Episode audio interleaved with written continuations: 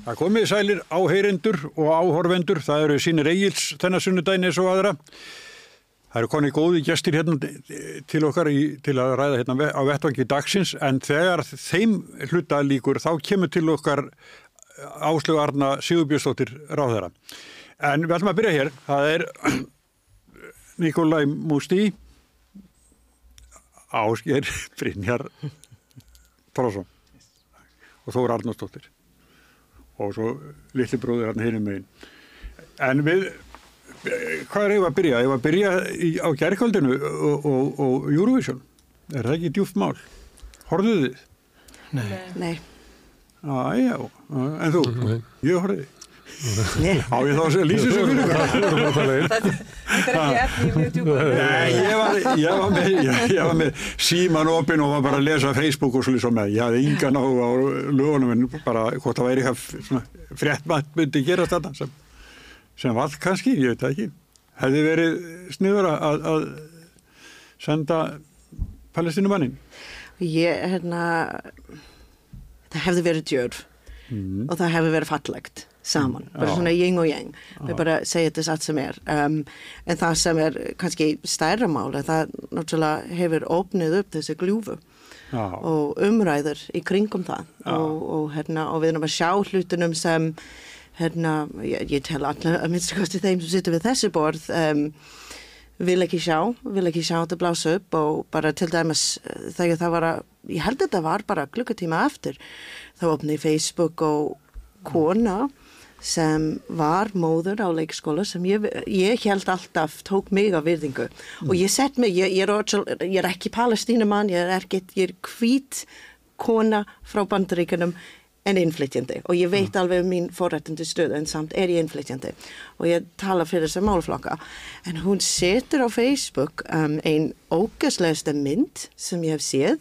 Það teikni mynd af um, íslensku kona með vikingu hjálm og hvíta kjól að sparka svínað í hérna, miðausturlandsbúning úr landinu. Og yfir það er fyrirsagt ég vil geta syngja mína þjóðsang, ég vil geta tala mína. Og fyrir mig, ég var bara, wow, byrju, hvernig gerist það? Hvernig var kraf að fá fólk sem flyttist hér að eða standi með eða vil búa í samfélag margbreytilegans það að Íslendingur meg ekki lengur vera Íslendingur. Því að mín kynni af flest Íslendingur er að þeir eru fólk sem hafa mannrættindi, jafnrættindi um, hvað ég segja líka nýsköpun og að vilja sækjast fram. Og vera partur á þjóðlega heimi að, að við viljum leggja okkur til margs en ekki þetta. Að það er ekkert sem við, við hérna. Og ég telja mig vera partur af við að við megum ekki Nei, hafa það þó og vera Já. stolt af því og bjóða velkomin og en þetta er alveg rétt að, að það blossaði upp alveg ótrúlega ógefeld umræða. polarísað. Já, þetta var Lásið þið kannski ekki, fylgist ekki með samfélagsmiðlunum ég. Ég var svona aðeins og Já. alveg upp að því markið að mér blöskraði svo að Já, ég bara trúði ekki einu augum. já, Og vegna þess að sko kannski er þetta auðvitað er maður í sínum bergmánselli en það sem gerist er að, að sko þeir sem að ég fylgi eru vinnur mínum á Facebook þeir eru að, að klippa og líma sko og sína bara vegna þess að Já. svart á hvítu hvað er, hvað, hvað fólk lætur út úr sér já. um annað fólk. Og hérna hvað var það að sönga? Hérna, nei ég horfði ekki og ég rúsum að sparka út um leið og verðum við ekki bara að vera samkvæm sjálfum okkur Já, já, í því, meina ég bara, ég hef einhvern veginn ákvað að stiga alveg til hliðar út úr þessu og hérna, nei, Já. ekki með en, en það sem kom hann í kjálfæri er alveg hrikalegt Já, en er það ekki, sko, smári, þú er til dæmis verið að tala um það að rasismi hafi aukist mikið. Það bara er í stigum magnandi og það var stjórnmálum komið og held Já, ég bensinu sé það. eldin Já. og sömi bara sturtað úr bara heilu Já. Já, já, bara farminum á er- eldin og það logar í Íslands samfélag. Og ég hef aldrei séð Íslands samfélag falla hraðar í skítin heldur en það bara síðustu vikur. En er, er, er, Ég held að við ættum bara að hafa virkilega hérna, áhyggjur á þessu. já, að samfélagi sé bara að fara að loga hér Já. í hatri og ásökunum og, og djöfulgangi. Og þannig mun það verða bara. Ef að við, ég minna, eitthvað verður að gera sko, það er ekki hægt að horfa upp á þetta. Ég held að við þurfum að hérna, hugsa um kjarni af þessu, hvað hérna er undirlikjandi, hvað er ekkert gert? Og hver er, ég segjum hver er, en hvað er fleikt fram í hvaða hérna, tilgangur. Ég menna, ég horfa heim til heimalands mitt, bandaríkunum, og auðvitað hefur verið bálubrenna og í, í, í þessu málaflokku og, og annað, en það hefur líka margt gott gerst. Þannig til dæmis í bandaríkunum eru lög sem stuðla að inngildingu. Það eru leiður fyrir fólk til þess að flytja löglega að landinu og, og ná betur fram og, og, hérna, og, og það eru fyrirmyndir af öllum tókum í hérna, fyrirtækjum, í pólitík, í annað. En hérna núna er eitthvað að grafast undir sem við var aldrei unnið með. Það er svo ég stíga inn á þingið eitt ár upp á dag frá því að ég er kosið og ég fer út. Og þetta var einhvern veginn eitthvað til að gera fólk tórtrykkin og, og, og, það, og það var ekkert gert meira með það bara, ég var farin af þingið og það var bara búið. Og það var ekkert unnið mikið með þetta. Og nú til dæmis við, við tölum um menningunæmi við tölum um inngilding og við tölum um af hverjum ekki að tala um það sem lætið það ganga. Og það er að vinna með okkur eigin viðhorf og vinna með staðreindum. Já. Staðreindin er svo að innflytjendur sem hefur komið til Ísland hefur bjargað ímislegt. Já, já. Og við höfum tekið af okkur stöðu sem Íslandingur hefur fært sig upp úr og við höfum ger gert þetta þó við höfum meira metnaði og mentin og vilja já. En, á lætis. Á- Hvaða læti hefum við skapað? Ég kann að því það. En einhvern veginn er eitthvað afl sem vil segja þetta er gott eða þetta er slæmt og við meðum ekki meira og allt er að springja. Hlutunum er að springja vegna þess að það var ekki viðbúið fyrir samfélag að þróast áfram, að mínum að En, og, og sko ég held að ástæðan fyrir að springa er, er, er hérna frekar einföld og ég kem að það í lokin. Ég hef verið innflytjandi eins og Nikól í Skandinavíu í tíu ár og, og, og ég upplifði alveg að hluta til þetta þar. Það eru tíu ár síðan ég kom heim, en það eru 20 ár síðan ég fór þangað út. Og svona miðbyggið fyrir svona 15 árum, þá byrjuðu sumir á nágrunum mínum að tala opinskára svolítið neikvætt um innflytjendur og ég sagði þá við þá að því ég talaði fína sænsku og var með sér komið sænskan ríkisbróður ert að minna svona eins og ég, Já, mig einmitt. og þá fór þeir alveg Já. hlukkur, Nei, nei, nei, alls ekki eins og já. hinnir og, og sko hinn punkturinn í þessu er sá að, að það fara ágætlega yfir tölurnar í bara leiðar og þórðarsnæðis í heimildinni mm núna í fyrra dag þetta eru 412 uh, flóttamenn sem sóttu um aðstóðina sem hafa fengið Sem verð á þessum vernd. 900 Já, og já, eitthvað sem svo- já. 70 já. mhm. og, og, og ef við tökum frá Ukræn og Venezuela og þú veist, þetta eru 72-3 þúsund eh, einstaklingar sem búa í Íslandi sem eru fættir í öðru landi. Þannig, og hald uppi hagvöxtinum, hald uppi lögum, og ég eh, fylgdist ekki með þessu uh, hérna sjóið hann í gær og, og, og hérna en er sammála bara þórum með, maður á að vera konsekvent sko. ef að rúsum var vísað út þá hefði þetta að vísa Ísvaldsmönnum út. Fyrst að Ísvaldsmönnum var ekki vísað út þá hefði við ekki að taka þátt. En ef að þetta var eitthvað svona mikið mál í, í showbusiness ríkisútorsins að hafa þetta ég man alveg, ég horfði á þetta með börnunum mínum í Svíþjóð Melody Festivalin, þetta voru sjö kvöld og þetta er svona, já já ok, ef að það er svona mikil annarkvort tekjuöflun eða ímyndar já. uh, hérna ríkisútorsins að hafa þessa söngvakefni að þá, þá hérna hefur þetta einhvern veginn eh, sí- sýnist mér klúrast með það litla sem ég sá á meilunum en af hverju sprakk þetta svona? Út frá því sem Gunnarsmur var að segja. Ég held sko að það tók tíu ára að fatta að Bjarni Benditsson har vesti fjármálaráttur Íslands sögunar hann skilur við ríkisjóð í svo slæma áslandi að, en það hins vegar leit voða vel út. Mjög langan part af tímanum.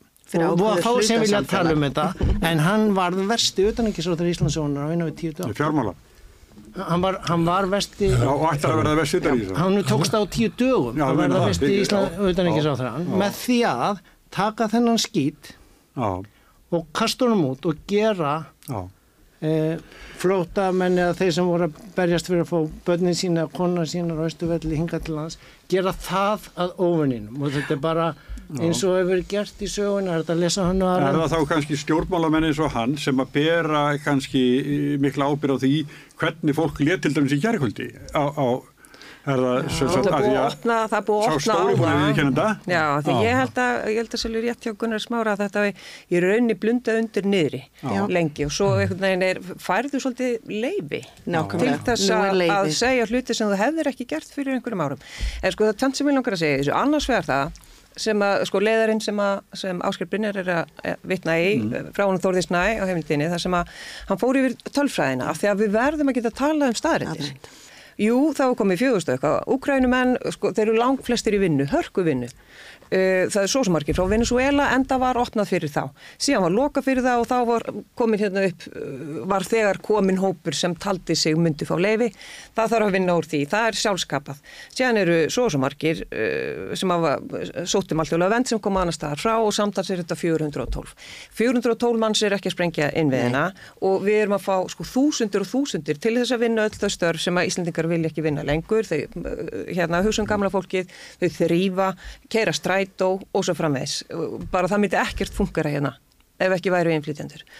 Og, og þá fer fólk að segja eins og, eins og Áskil segir, þá fer fólk að segja Já, nei, ekki þeir, heldur sko hinnir. Það svona eins og þetta sé svona góður og vondir uh, útlendingar.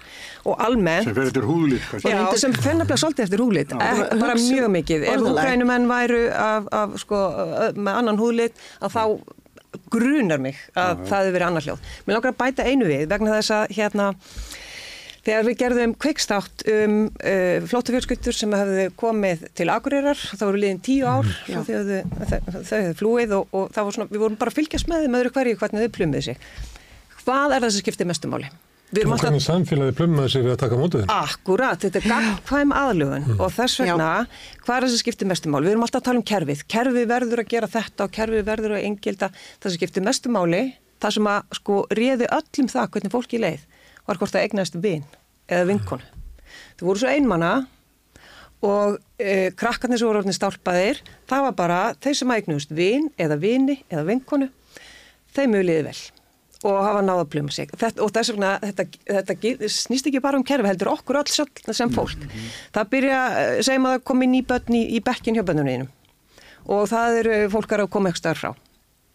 Hvernig væri að fórildrætnir kannski legðu aðeins ekstra á sig við að fá þau með þegar eitthvað er í gangi. Herðu, þú veist, að æfa íþróttir, ég meina því sjáu hvernig er á íþróttamótunum, það er ekkit mikið af inflytjandunum sem, sem eru mættir þar eða er að taka þátt í fórildastarfin og fullu eða hvað það er, af því að sko það er ekki opnað fyrir þeim. Og við erum svo, uh, þú veist, við vorum saman í grunnskóla og mentarskóla og kór og vinnu og allt þetta við- og svo- fyrir utan það við erum öll skild hvert öðru. Við erum svo loka samfélag, það er svo erfitt að komast inn í þetta. Þannig að við þurfum svolítið, held ég, að opna hérna hjart okkur, bara sem borgarar í svo landi. Og þú veist, til þess að við getum ekki alltaf sagt bara þau að aðlagast, já þá verður það möguleika á því, þá verður einhver að opna fyrir þeim dittnar, bjóta þeim í mat, gerðu eitthvað, skilja. Alas, við setjum 303 Já. miljónir í íslensku sem dögunum sínum með ennbætti kosta á næstu þrjumur árum. Og svo þegar fólk talar íslensku og er með reym, að þá ránkválfur fólk augunum. Já, ég, hérna... Það?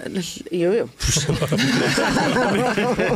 þannig. Fletti mig upp á Google. Já, ég veit að hérna, þú veist, þeir er, ég, svo frábært að það ke- kemur frá þér Þóra, vegna þess að ég er búin að hammast að þessu í öll þau 20 ár sem ég verið hérna og ég verið hérna í 20 ár, ég földi að kunningjar og fólktu fólk sem segir bara, já Nikol, ég þekki hana. En þekki mm. þið mig.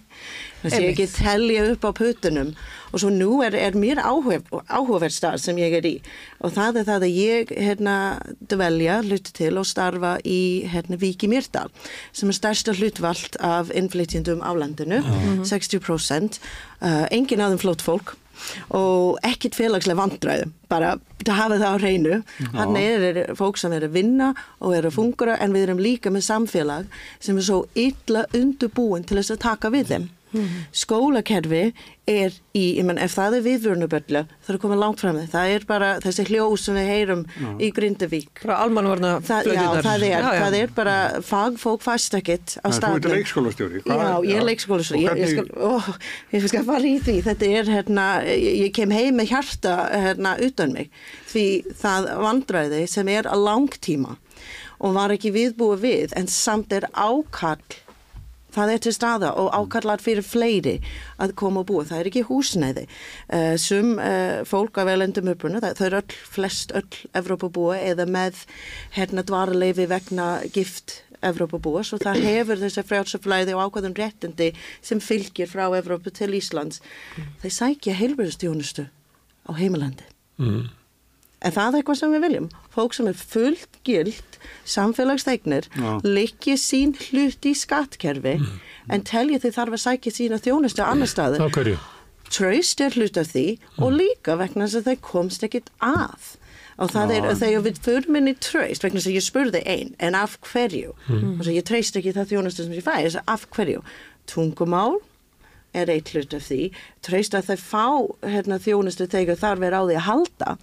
Þetta er náttúrulega Suðurland, það er út á land, en, en það, er stort, þetta eru stort orð og, og þetta eru fólks upplifin, við meðum ekki taka þetta af þeim.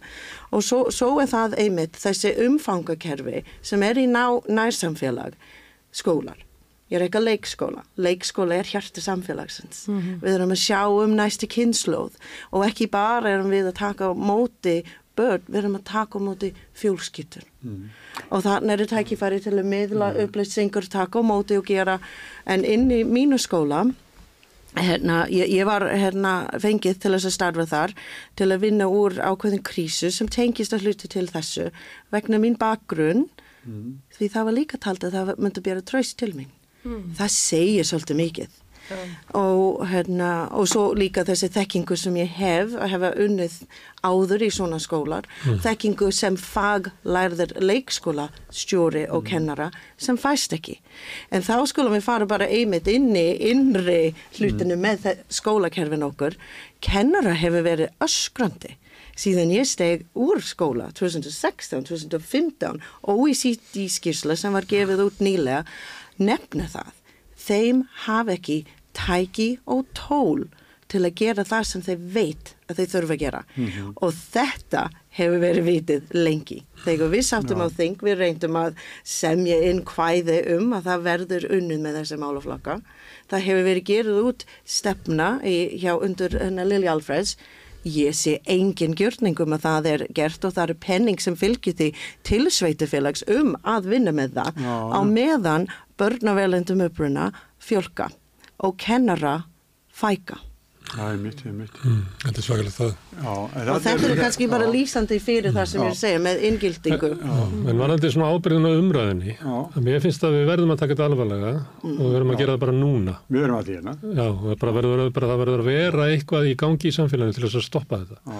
Því það má vel vera að þetta hafi kræmað undir og kannski erum við skólalóð þar sem allir vilja raumulega vera að hrinda hvort öðru og eitthvað svona. En við viljum ekki búa við svoleið skólalóð. Og þegar að sko yfirkennarinn og, og bekkjaformaðurinn fyrir út á uh, lóðina og byrjar að hrinda fólki og bara opnar fyrir það að það er í einu máða núna á Íslandi að bara hrinda fólki, þá verðum við að gera eitthvað í því. Að, þú veist, ég meina, ef þetta fær að ganga svona lengi, hvernig við sjáum hvernig er á Facebook, hvernig er verið að tala um innflytendur og það er ekki bara verið að tala um einhverja hælisleitendur eða eitthvað, það er bara verið að tala um innflytendur og þessu Já, er byrjuð á kerfinu ástæðan fyrir því að, að grunn innviðir íslenska hérna, samfélagsins er að hrinja Mm. uh, og innviðin er að hrinja, eru innflytendur og það eru 78 mann sem að búa hérna á Íslandi og eru bara líkil atriði að við höldum þessum innviðu gangandi. Að þá koma skilabóð hérna frá stjórnmálafólki um að það sé þessu fólki kenna. Aha. og þetta kemur frá ég, ég veit ekki hvað maður er að segja svona sko. Sko Simundur Davíð hann er ekki bara sko þekktur í Íslandi fyrir að vera skattsveikari hann er þekktur út um allan heim. Það sama á við um Bjarnar Benediktsson og Kristún Frostadóttir hún var líka í ykkur leiðréttingu í skattinum út af sínum hérna Að fyrrastarfi. já, á fyrrastarfi Já. Þetta er fólki sem að mér finnst að hafa held hérna, olí og eldin um að ástæðan fyrir að innviðinu væri hérna veikir, væri innflyttunum að kenna. Innviðinu eru veikir vegna þess að það er- það er fólk hérna í efrilögum samfélagsins sem kemst undan því að borga skatta, eðlilegt hlutvall inn í hérna samfélagið. Og það er vandamál þess að það vera græðmöndan innviðunum. Beina síðan aðdeglinni að hérna, sára saklusum fólki sem er ekkert annan að gera en að bara vinna vinnunni sinna, hefur enga möguleika á því að svíkjönda skatti, enga möguleika. Mér finnst þetta bara, þú veist, við verðum að stoppa þetta. Já. Hann valdi sko tröppunar á bestastöðum til að að byrja Að byrja, fyrsta já.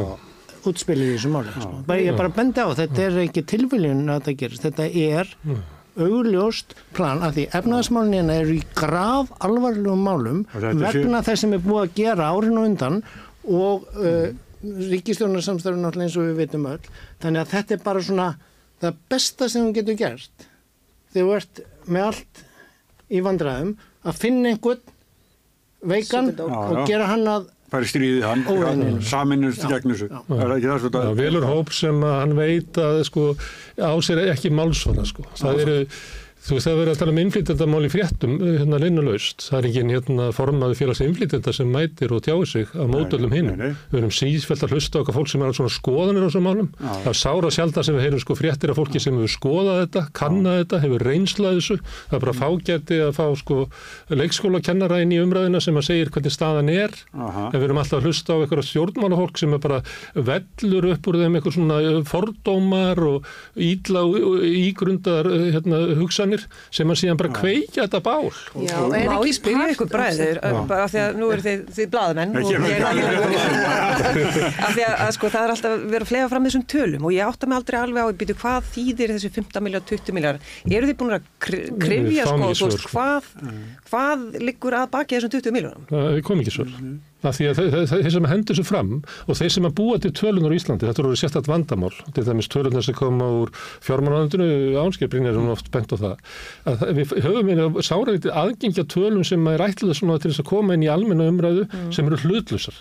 Meir og minna kemur þetta bara út úr stjórnmálafólkinu, það sem við kastar inn, við tókuðu eftir því að fyrst að 16 miljardar, svo 18 miljardar og 20 miljardar, ég held að við liðið sko 5 dagar á milli þar sem það hækkaði, en þeir voru aldrei spurður að við býtu hvernig stóði að 16 miljardar og 20 miljardum og hvað stór hlut á 20 miljardunum er svona, hvað, Sko- stóð, hvað kostaði mikið að vera að flytja Venezuela fólki aftur í flugvél til Venezuela, eru með allt inn í þessu? Ég hef sko, talnalæsi á Íslandi er bara graf alvarlegt mál og sko talna bull stjórnmálastefnarinnar er ótrúlegt. Ég hveti ykkur til að hlusta á vikulokkin og rúfi gær Já. þar sem var verið sko að tala um hérna mjög einfalt mál sem við höfum nokkur rætt að hérna styttingu já. eða hérna lengt skóla ég hlusta með þau. og það, en ég sko, en pælir, ég, þú veist, ég flutti fyrir tíu árum heim með börn á mennskólaaldri og hef einhvern tíðan sagt hér við þetta borð nokkur sinnum.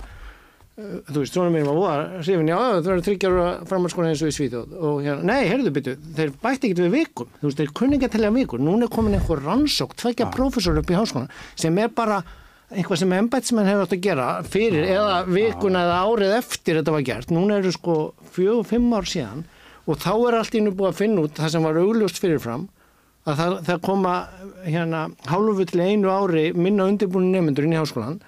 og, og bönnin sem er að reyna að koma þannig vel undirbúin eru þurfa að fara í helst einsásfrí eða í líðháskóla til útlanda til að bara jafna sig.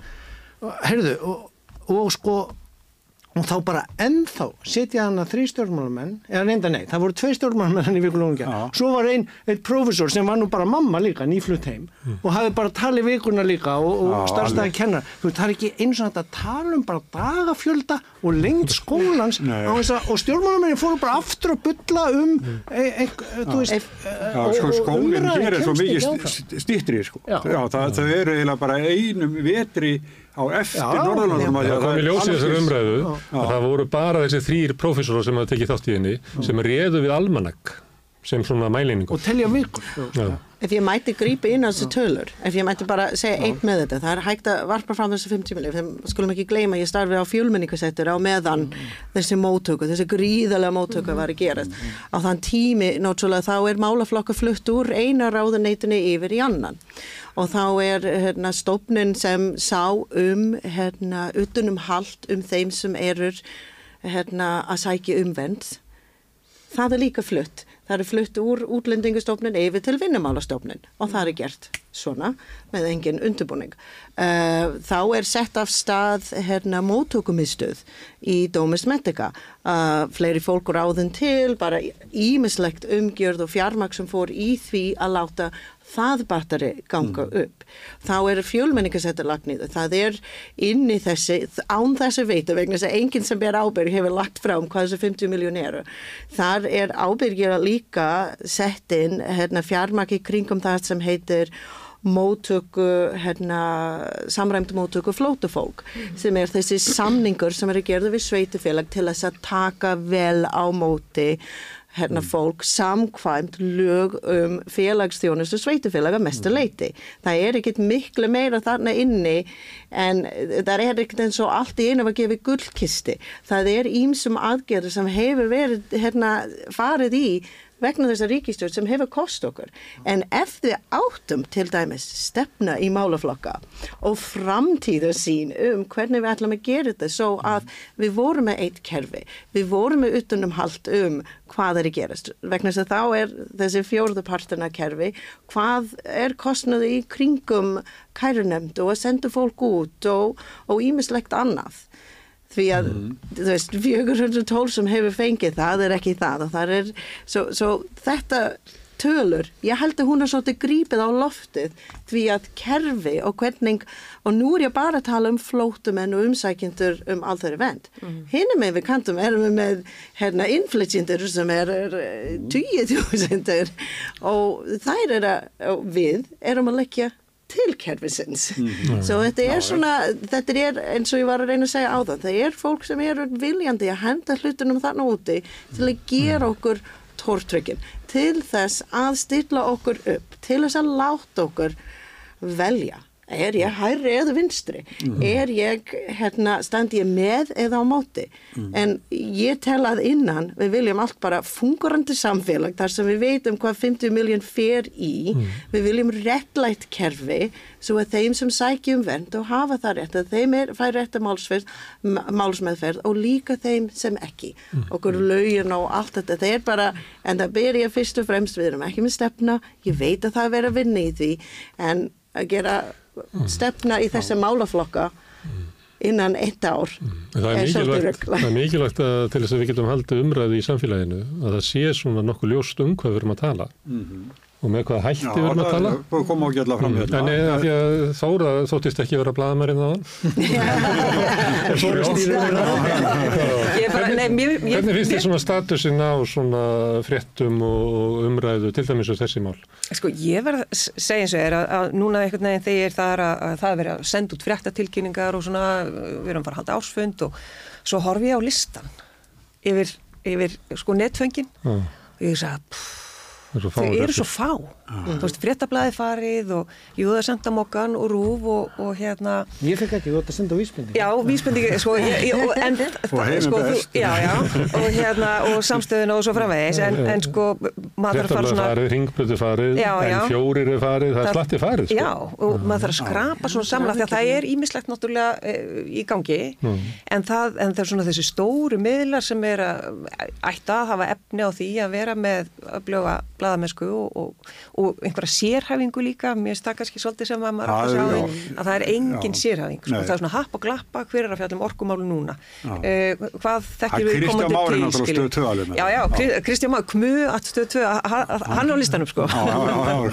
En hérna þannig að ég held að það sé ágjörni þessi tróun sko. Það verður sjaldan sem að sko fjölmjölanir leggja fram eitthvað svona mál eins og þetta mál, að vera með eitthvað greiningu á því eitthvað og svo er umröða Mm. Mér finnst það að vera allt og algengt að bara svona hann segir, hún segir.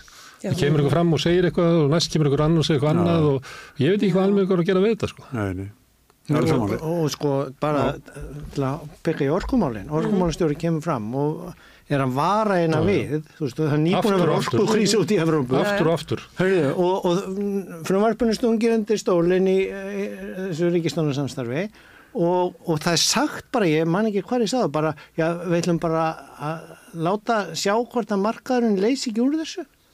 Þannig einhverjir gamlarar getur tekið stöðu í orkuverðinu eða bitcoinarar í, og hérna Aha. og svo verður bara heimilinn þá að, að hérna, kaupa sér framverka samninga til að tryggja sér nú já, ná, eða já, keppa já. við þessa og fá að borga herra verð af því að það eru einhverjir aðrir að taka snúninga á hérna, mm. orkuverðinu í landinu sem er afmarkað einangráð og framleitt 80-90% í fyrirtækjum okkar eigu. Mm. En þá bara verða að búa til kerfi, setja ekki lögjur sem tryggir það sem er verið að krefjast af orkumálstjóra mm. og já, sjáum nú einu sinni en hvort að markaðurinn hérna frábæri leysi þessi mál nú ekki hér á landi. Eins og hann er búin að leysa húsnæðismálin og innflytjendamálin og, og bara hjúgrunarheimilismálin og, og bara öll í mál samfélagsins hafa verið svo hefur skýrsla frá tveimur háskólaprofessorum eftir fimm ár og þá kemur í ljós að þetta var alveg gaggalagú. Já, þetta er náttúrulega þannig að, að sko þegar rávorkulugum var breytt í, í samræmi við Europalögju 2003 að þá var sem bara ekki ábyrð á rávorku öryggi í landinu til heimila og, og smæri fyrirtækja. Síðan eru liðin sko 20 ár og ég veit alveg, ég er búin að skoða fréttaflutning og greinaskrif aftur í tíman að það er búið að benda á þetta öðru hverju. Það hefur ekki verið kannski knýjandi þörf á því uh, af því að við gleymum því svolítið núna þegar svona mikil eftirspyrna eftir orku. Það hefur ekkert alltaf verið þannig. 2019, 20, 21 að þá var sko slakir árhukerfinni kringum COVID.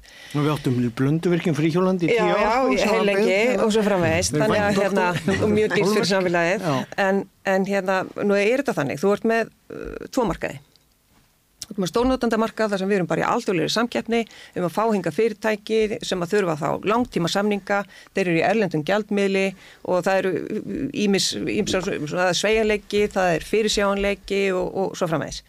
Síðan ertu með eh, 20% orkunar sem er, er framleitt, sem eru heimili 5% og smæri fyrirtæki 15% og eh, það er svona heilsunumarkaður. Það eru nýju fyrirtæki á þeim markaði, sum framlega orku sjálf, sum ekki og þar er samkeppni. En það hefur verið bara við lágt og stöðugt og svona hefur þetta rúlað. Síðan þegar, sko, að því að það var náttúrulega þannig á stónútendamarkaðnum að þar var verði lægra. Þú veist, við vorum að, að fá fyrirtæki til þess að að leggja hér í fjárfestinguna og svo framvegis, já. já. E, þeir tímur eru breytti, nú er búið að endur semja og við sum oftar en einu sinni, þannig að verðið er orðið bara mjög sambarlegt. Og þá er náttúrulega hægt á því að, að orkuvinnslu fyrirtæki segja, heyrðu, kannski að vera bara hendugra að gera hérna samning, langtíma samning við eitthvað gagnaveri eða hvað það er, heldur en að vera inn á almennamarkaðin, heilsulumarkaðin.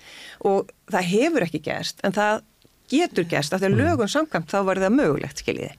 Og það, þannig að, að sko... Þá getur okkur verið til heimilina bara skotist upp. rókið upp, af því að sko, af því að ef, ef þú segir já, nei, þetta á bara að vera eitt markaður þá hl- hlýtur fólk náttúrulega að keppa á, á sömu forsendum sem að þýðir að þá þurftu heimilin að keppa við stóriðina um, um, er ekki- og, er og ég meina, við getum ekki ekki verið með ramagn þannig að greiðslu getan, greiðslu viljin er mjög hár, þú bor, borgar það sem þú þart fyrir ramagni heima hjá þér. Já, og- en hérna um, ég held satt að segja að stjórnmálum en sé ekki það að þeir vilji það, ég veit alveg að það, það er heilmikil umræðum þetta, þetta er bara að vera eitt markaður svo niðugreiði ríkið.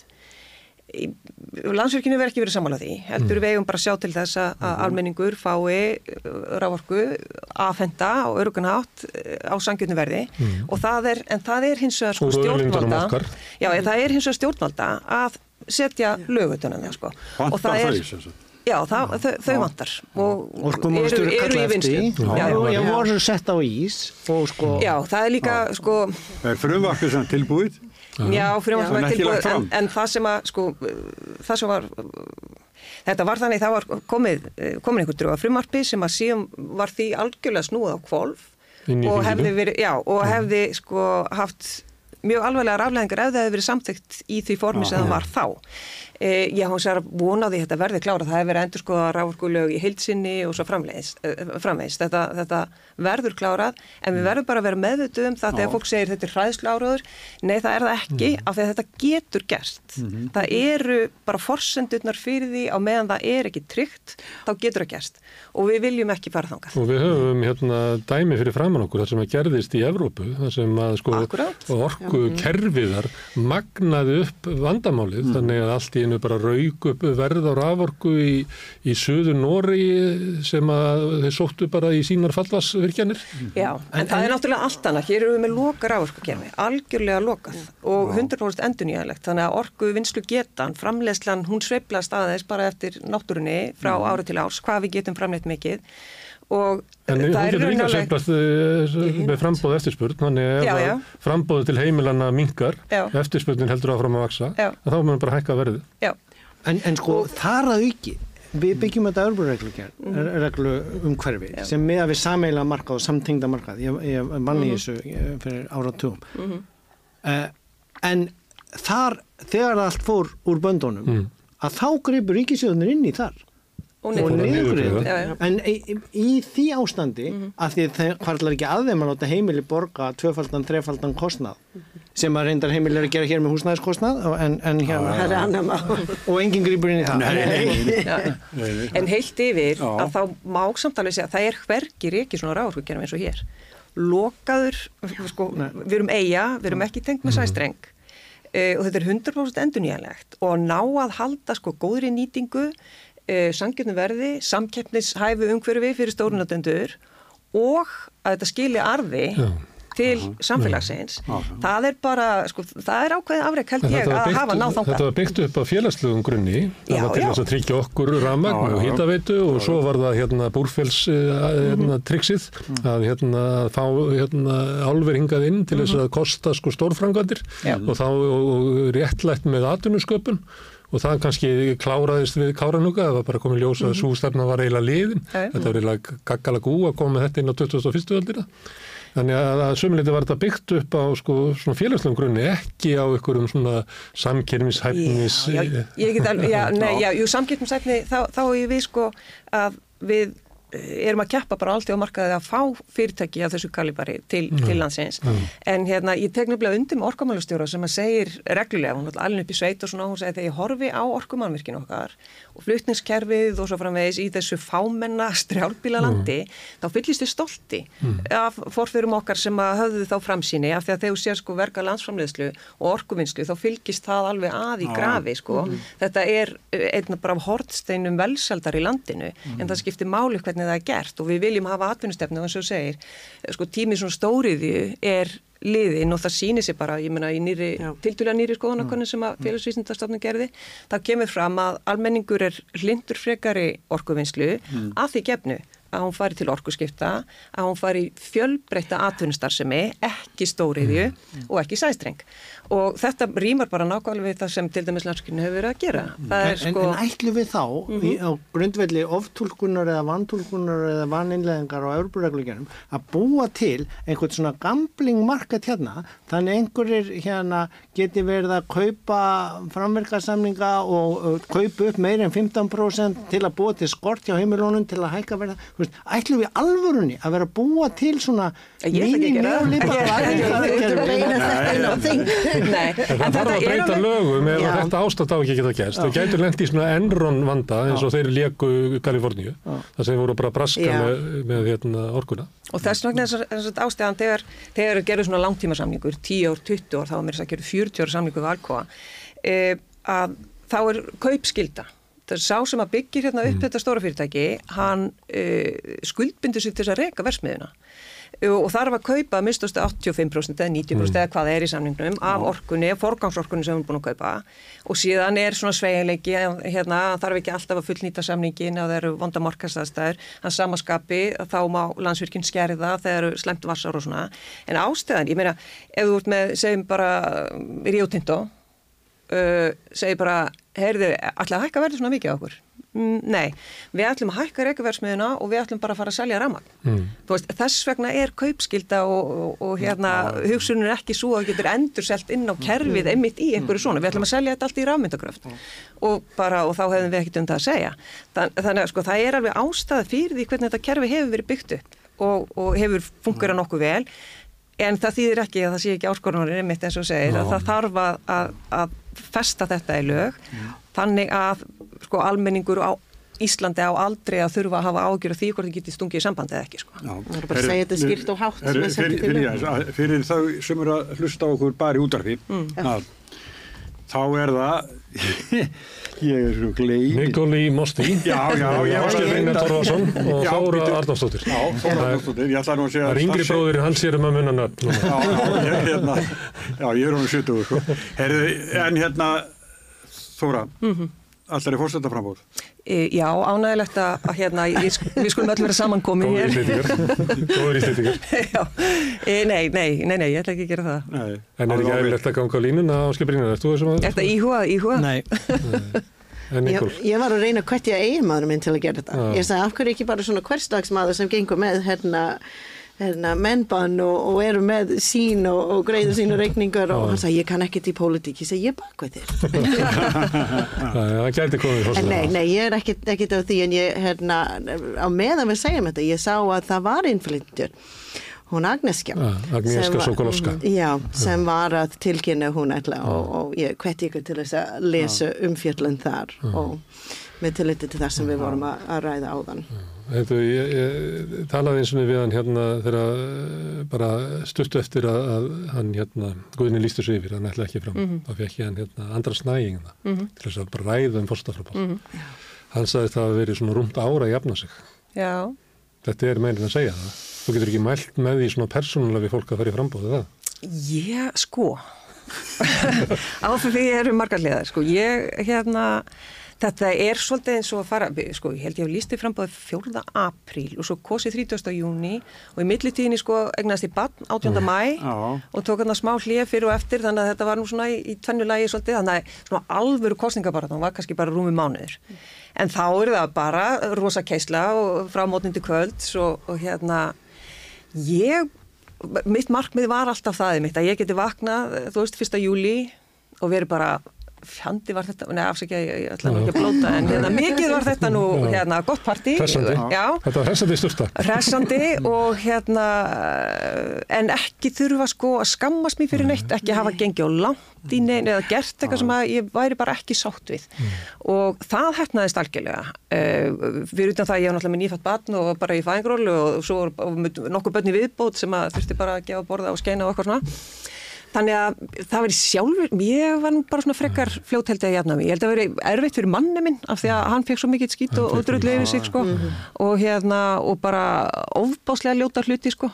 Vi, vi, sko ég get, ég, nei og þú, ég get eiginlega ekki hleyðið því en sko Nei, þótt að séu tólvar Too síðan. soon eins og segja. Já, nei, veistu, það var bara rosalega og þú veist, já, Þóra, hún er sminkunar á, á hérna rúf, það eru alltaf eitthvað tjastlenni saman og þú veist, verið að láta það er sko, eitthvað svona mýksti Já, bánsi sem á hittir. og ég bara, hvað er að ykkur? Hverjum dettur í huga að haga sér svo? Það getur ekki verið þess virði sko, að hérna, fara niður á þetta plan. Það er ykkur að skrimsla til Já, nei, veistu, það, það kom mér svolítið óvart og ég held að hérna kannski fyrir viki uh, tók svolítið tíma fyrir hann að jafna sig á því eins og bara hættan og rúf fór að gera eitthvað annað og þú veist bara uh, hérna kátasti maður í heimi í dag. Já, já, já. en hérna, þetta er sannlega þurfti að skóli sko það þjóðuna með því að hafa verið rítvöndalunum þó ég held að ég hefist ekki um það að hann er mikil virkur rítvöndur og skáld. Já. Og Já, og áhrif mikið í þessu. En hérna hvernig lí- er þið með eitthvað draumakandidat í, í fórstæðarfrabót Ég býð en þá, Ég býð. eftir hverju, hverri. Ég veit það ekki. Já, já, þú, já. Veitu það sem ég sakna, nefnilega, það er eitt sem ég var að hugsa, ég ætla að spyrja Þóra, fannst þetta ekki indislegt að vera í kostningabát og eiga þetta samtal með þjóðin? Og með fólk? stórkostlega skemmtilegt, Þetta er sko, svona, þó að ég, ég fekk mikið svona skemmti heiti fyrir og eftir og, en ég, það lifir enn í mér. Það er svona neist í að vera í kostningabát og eiga það samtal því að oftast þegar þú ert í kostningabát það er einlæg samtal við fólk. Já. og haters sem er þarna úti hating, afsakið hérna, ennsku. Já, já. Hérna, þau, þau gerir þetta í fjarlæg og þau gerir þetta í skjóla kommentakerfi og hitt og Já, þannig. Svo, að, svo það er og ég, það er það sem ég býð eftir. Ég hef ekki séð drauma hérna, frambóðandi vegna þess að þetta samtalar ekki hafinn. Nei, nei, akkurat, Það þetta hérna- verður rosalega stutt kostningabarða, það er vist kosið fyrsta júni en ekki 30. Þannig að en þetta er hvað, bara... hvað finnst ykkur um Guðuna? átt hann að vera lengur, hefði viljað hafa hann lengur Ekki ef hann vil ekki vera þar. Það, Já, ég veist það svo augljóst á hann hann er guðslifandi fegin að vera Já. laus. Mér finnst það bara svolítið töff sko, hann er að Já. koma þarna, þú veist, á eftir fórsetta sem væri 20 ár, mér finnst Já. þetta bara svolítið smart. Ég Já. komið samt á óvart sko, ég, ég held að myndi taka fjögur ár Já, yfirbót en mér finnst það bara flott og ég vissum að hann á bara fínan feril framöndan í sínu fæi sko. já, já, Og veitna hérna í sem að væri kannski svona fórsetalegt, sem er svona góð sín á söguna um að horfa á virkjaninnar og innviðin okkar og vera stolt að því, sem er nú hérna Hallar Hund. Ég bara kasta ykkur. Já, já. já. Herru, en eh, það er að vera að kjósa á árinu að vera kosin líka fórsett í bandaríkjólum Oh, jeez. já, Finn maður, já, það er bara þetta er er alveg móskupum ertu, ertu með kostningarétt? Jú, jú, alltaf. Ég hérna, haldi hérna, kostningarætt virk allstöðu sem ég má kjósa í félagssamtökum og annað. hvað er í Michiganina? Nei, reyndar, vegna þess að síðustu staða, ég, ég er svo skrautlegt. Ég hérna, hérna, er með kostningarætt í Kaliforníu Það núna. skiptir yngur máli. Ég var hérna, vist að þar hérna, þegar COVID kom fram og þá þurfti ég að breyta allt en áður fyrir var þetta í Massachusetts vegna að ég bjóð þar. Svo ég hef getið kostið allstaður í, í hérna, mismunandi fylgjum. Þetta er ekki svona uh, fylki sem eru spennandi, hvorki það er alltaf blá. Massachusetts. Mm. það er ímislegt sem gerist þar, menn við lendum með hérna, Schwarzenegger en ég came from Michigan sem ég, ég fylgi hvað heitist með vegna þetta er algjör fjólablá fylgir og það, og það er yndislegt að sjá hvað er að gerast innan Michigan núna, það er bara mér upplögt kona sem er að stýra fylgi, hún Gretchen Whitmar og hún bara er, það er frí skólamaldið í Michigan og hún er búin að keira ímislegt upp en þetta afl sem kemur hæri megin af, þetta Já. er að leika með hlutunum og ég sé að hann tók yfirgnæfandi sigur, hann, hann hérna, ó, ég, ég vil ekki segja nafnið hans, þetta er svona. Stíglitz myndist á hann, ég var að hlusta á.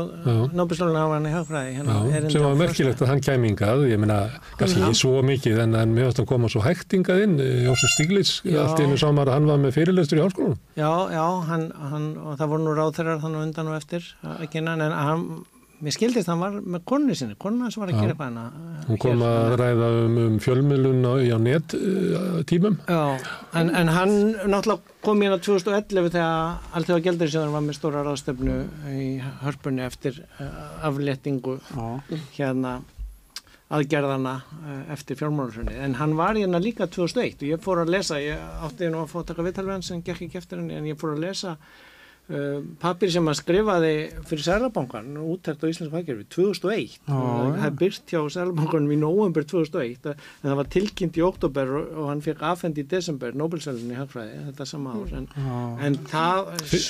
Ekki fyrir þetta. þó. Nei, nei, en, en svo skýsla hún hvarf einhvern veginn held ég því að allt í henni ef að því að það er fyllt, fyllt þá hefur nú ekki farið svona illa hérna 2008 en, en það mikið á því á við ennþá og, og hann var bara já, skýt, skýtrættur við uh, hvað væri að fara að gerast þannig líkt og selmókstur í Evrópu og þú veist það er bara verið að undirbúa neyðaraðgerðir ef að þessi náðungi verið kosin aftur fórstið þannig sko. Mm.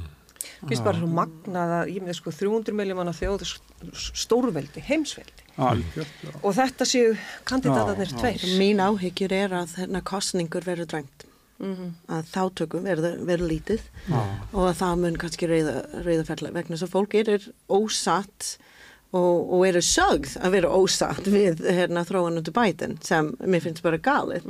Því það sem hann tók við og það sem hefur náði að gera og er að reyna að gera áfram og hann er með mér hæfi fólk í kringum honum í öllum, öllum stöðum og, og að, að mínum að það er bandaríknum að, að sigla í gegnum mér erfi tíma bæði inn á við ímynd og þessi átökum bara þjóð, hérna, þjóðusál er hérna í, í svolítið rúst eftir Já, seinasta og já og, og kemur hann eftir inn með þrumur og ekki eftir, hann er búin að vera allan tíman og þetta, þetta er bara, þetta er mér erfitt að horfa upp á og, og hérna, ég, ég óttist að ef það er hérna, mér lág kostningu þáttöku það mun eins og ég segi bara hér þegar það lág hérna, kostningu þáttöku, afsaka ég skulle vera svo blind með mínu pólitík, þá hérna, sigur sjálfstæðisflokknum, það er sama gerir fyrir Repu- republikanum, já.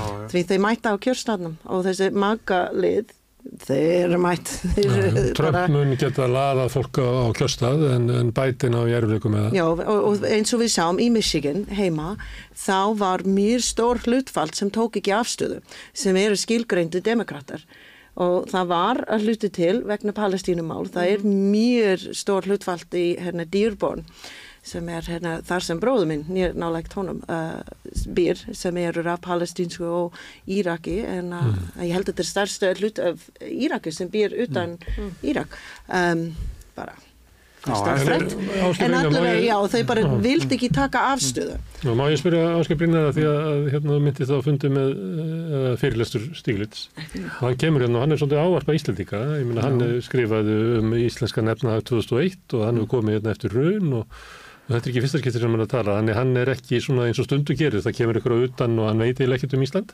Hann, hann er sirka veit þetta. Þannig að hann, Já, já. einhver leiti er hann að ávarpa Íslendinga. já, já, Og hvað, og- hvert er erindi frá þessum gamla þögl? En það var, ég hef nú hlustað á hann oft sko, Já. hitt hann fyrst 2012 í, í Berlín áraðstefni og nokkur sinnum sko, og hann er svo sem með sama bóðskapin en hann er kannski svona skýrari beittari núna af því að bæði menn er orðin áttræðir og þegar menn sjá líka mögulega landið sitt vera að fara enn lengra inn í einhverja uh, sko, já einhverja ramfarir að, að, en, en bóðskapurinn hingað sem að var mjög skýr og góður, sérstaklega það sátu nú tveir ráþeirar sko, í salnum allan tíman sem er fyrir ómennilegt og rektor líka, þú veist að venjulega kemur þetta fólk bara svona kynir og opnar og síðan horfið og heyrir ekki, en hann var í klukkutíma nánast með messu um að nýfrálsíkjan væri döið sem að hérna er nú ágætt að hamra svolítið á hérlandi því að Ísland er að verða svona nýfrálsíkju eiga ein út í hafið þegar að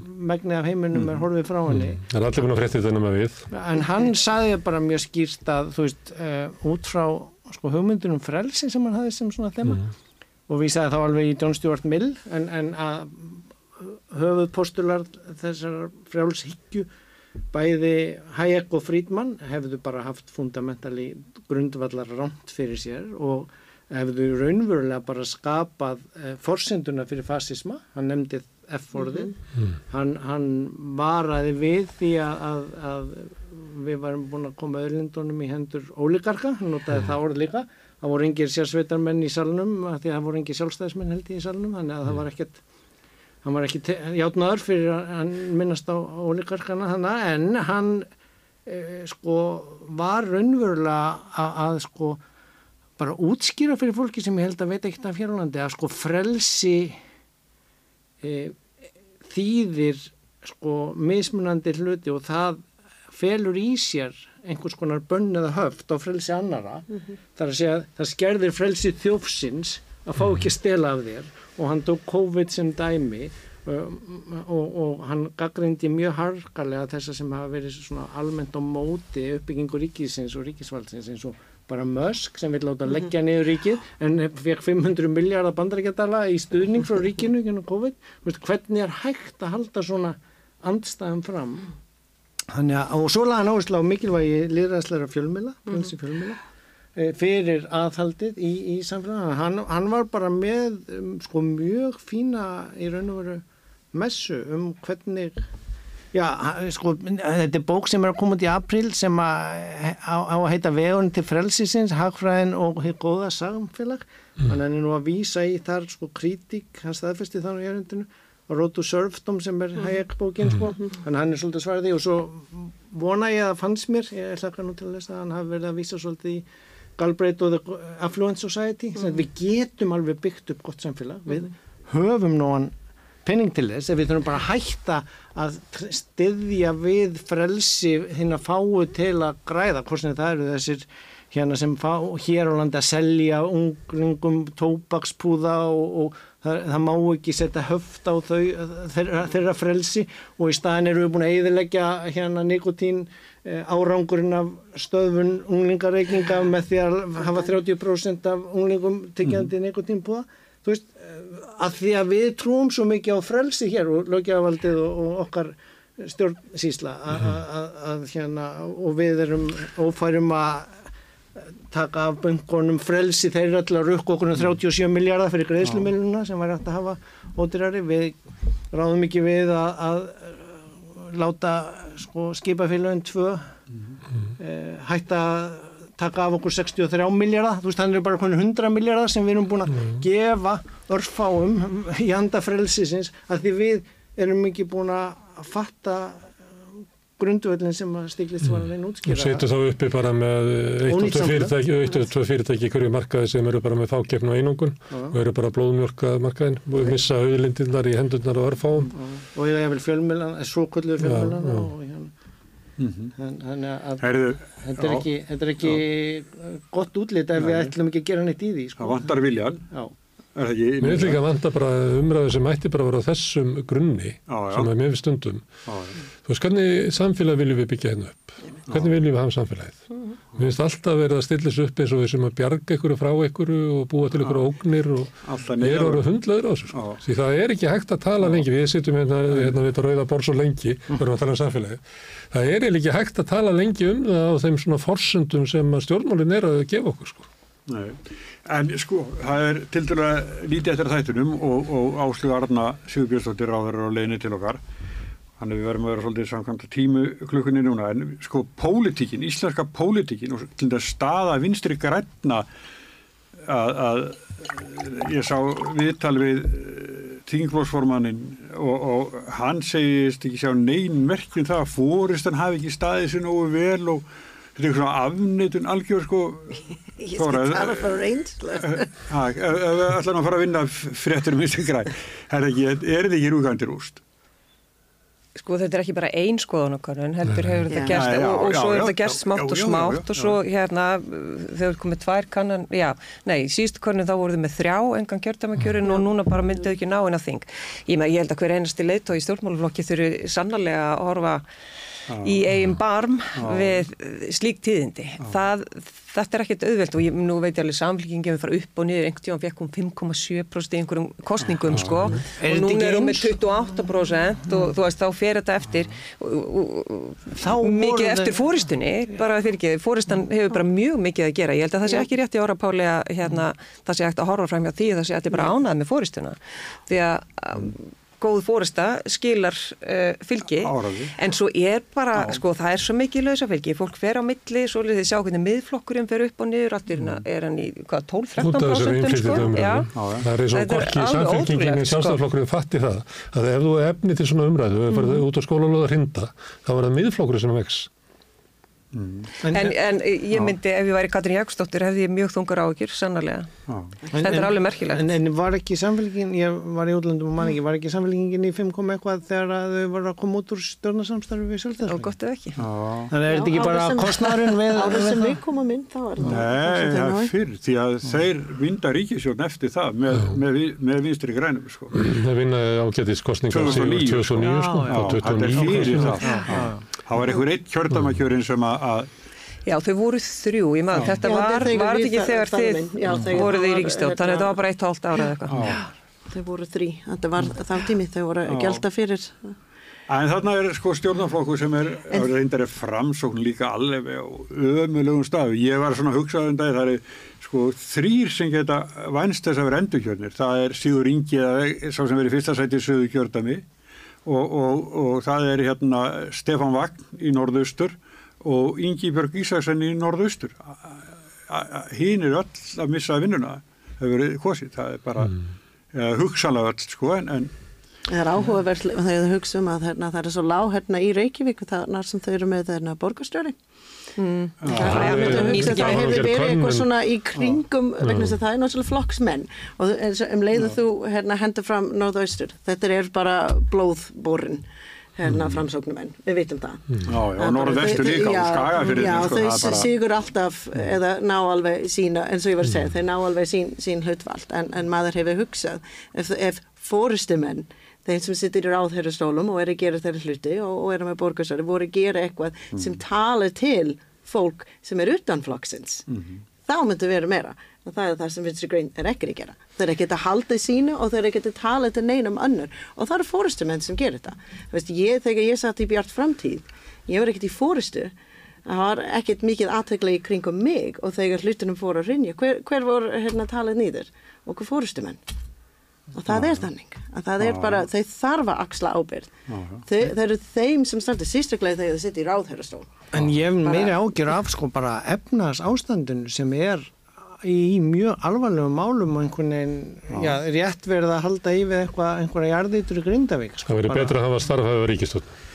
Það, var- það er lífsnöðslega, svo kannski alltaf að fara í verkvall og hann á allt annað sko. Og verðbólgan er að fara að minna niður en búist við og hún er tvöfald, trefald hér á við önnu lönd og, og þú veist við með samt jákvæða stýrivexti og... Við erum og húsnæðiskerfið í, í bara kreppu, við erum með grunnkerfin okkar í kreppu. 4.000 manns í raunni, innri flótamenn, Já, sko. Við erum með Tryggingar. í miklum hallaregstri. E, en hvernig verður þá kosið?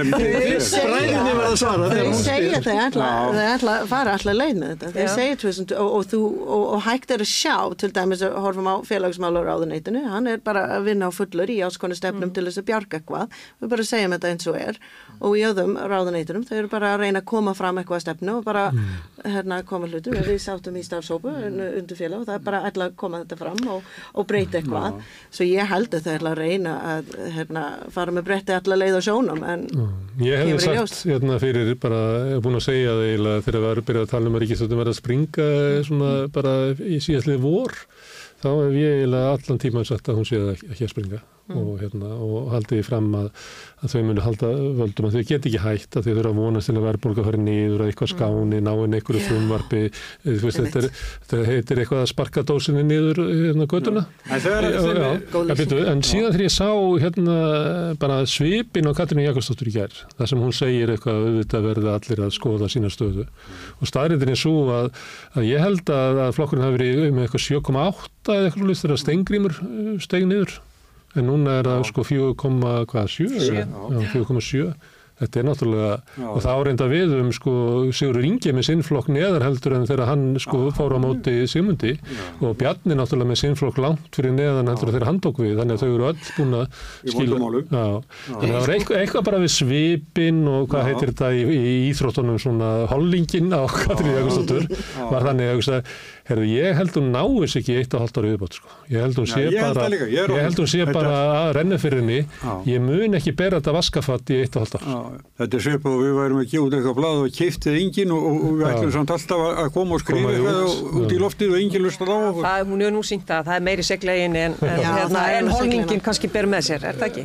Nei, ég veit að ekki. staðan er svo ömuleg, sko, Sko- það þarf að sko- gera svo mikið. Já. Og það sem að byrtist fyrir mér bara smá byrti til við að hlusta á stíklið, segja þetta það, mm. við hefum kannski verið að tala um sumt að það hér að þarna var allavega sko, svo augljóst ef að menn hlustuðu og skildu enskona sem að sagði að hér er allt í svona miklum vandræðum því hér er búið að vera að reka nýfrálsíkju stefnu uh, þó að hún hafi verið fórstisáttara að það er bara útkoman í ljósi sko COVID og hamfarana í viðbútt við lofslagsbreytingarna sem ætti að vera stærsta máli okkar að, að kljást við að þá er bara sko uh, þú veist, uh, við erum ennþá að rífast um staðsningu spítalans. Og við munum örgulega gera það í tíu ár eftir að við erum búið að byggja og það var bara rétt svo að hans hrindi í COVID. Og við erum ekki ennþá að byrja að byggja hjúgrunheimili, jú, þetta enga vætaði sem er farið að byggja sko foreld, nei, hérna börn, fólksins þar inni að koma að þrýfa því þau eru búin að selja lóðina undir einhverjar hérna, íbúði við Það var einn fréttum spítalan sem var kostuleg. Að þá kemur sko stjórn landspítalans inn og segir nú verður við að fá að koma að vegna þess að það verður að byggja upp spítalan og það er bara verktakarnir sem er að þessu. Vegna þess að sko þróunin inn á bygging veist, það er ekki verið að búa þetta til eins og spítalan þarf að vera. Það verður að koma eitthvað sko sjónami frá læknunum og hjúgrunafólkinu inn að það hvernig spítalan er byggður upp er ekki þessu? Það er stjórn á spýtlóður og byggja ný spýtlóður hafi ekkit aðkoma bara segir já, allt. En hvað var það kostningar því sjáu þessi tölur, það er enginn sem sittir núna í fórustu sem segir já að við skulum slita þessu ríkisjón og taka sjans á því að koma eftir inn.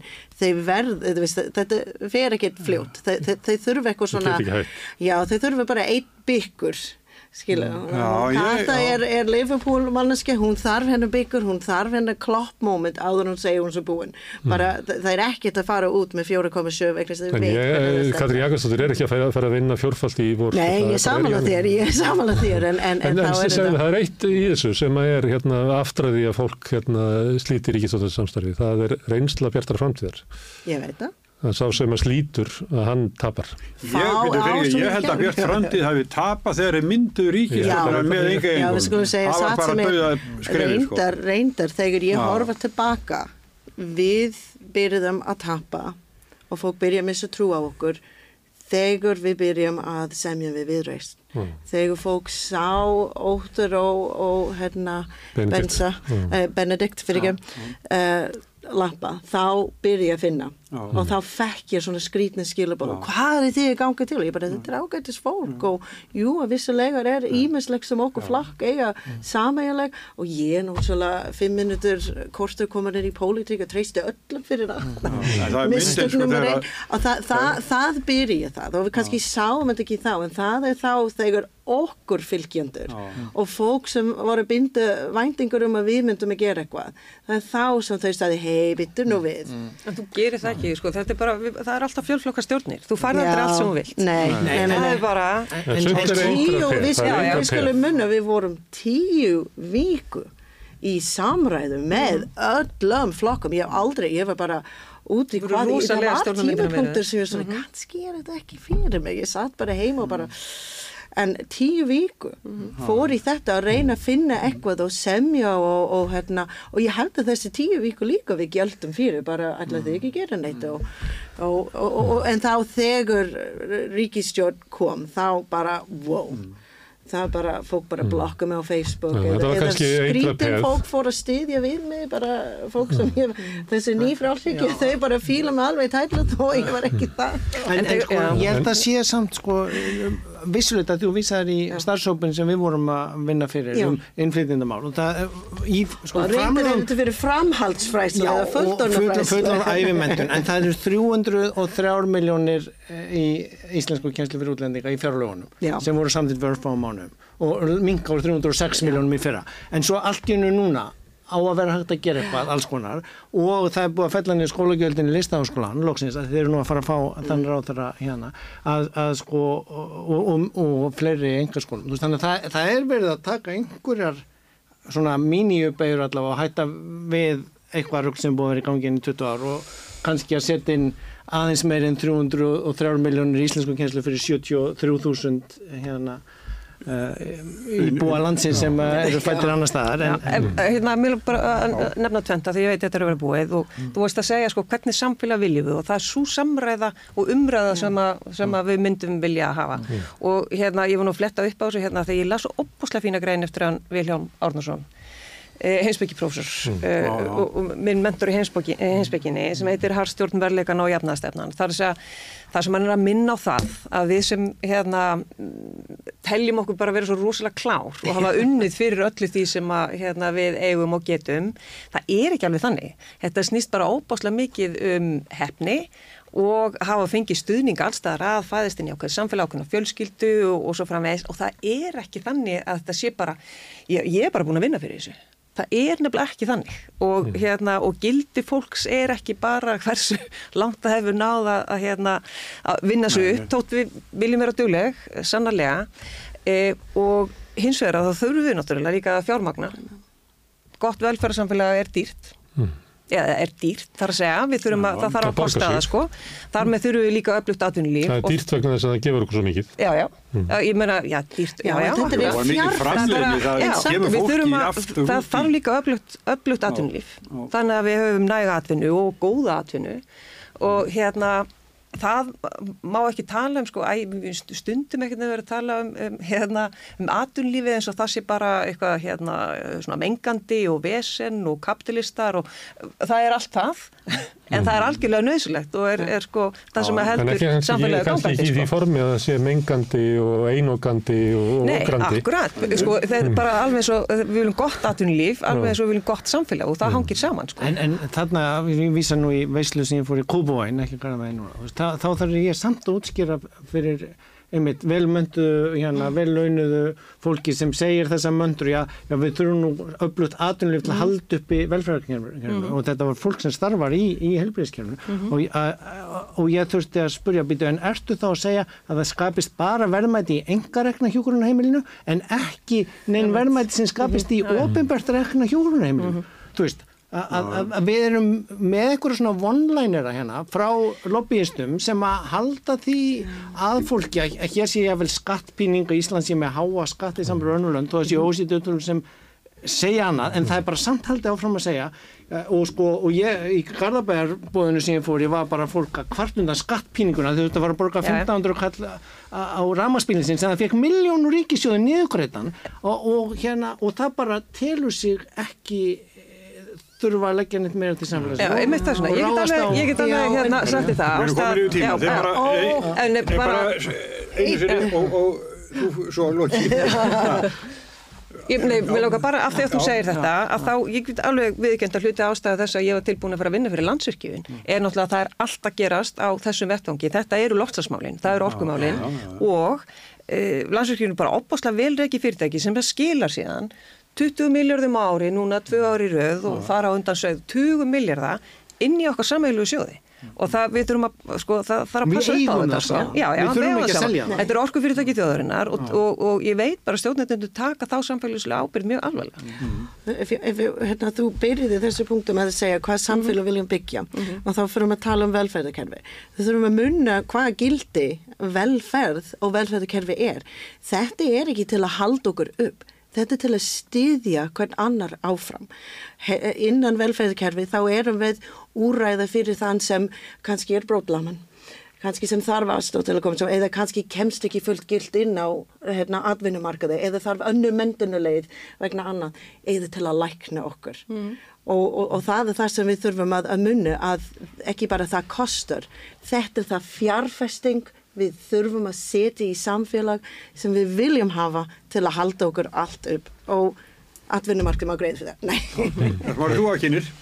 Já, já, kynna, já, herðu, við þakkum, já, við þakkum hérna Nikól Límosti, kærlega fyrir, Áskeri Brynari. Torfarsinni og Þóru Arnarsdóttur. Það Og var líflegt og skemmtilegt og innhjálpsríkt Já, samtal. fínt. Ég er mjög annað með það. Við Er- okkur vel, uh, Sigurjón, ég velja alveg gesti. bara briljant, alveg briljant. Og Er, er, þá er Áslega Arna. Áslega Arna er að koma hérna inn og þá ætlum við að, hérna, að, að ræða við hana. E, fá ráð þeirra til þess að fjalla um þau mál sem að hún er með á sinni könnu, um flokkinennar, um ríkistjóðina og kannski bara um pólitík. Það er alltaf gaman að tala um pólitík við fólk sem hefur mikið áhuga á pólitík og ég hef grunum að Áslega Arna hafi mikið áhuga á pólitík. Eftir einhvern.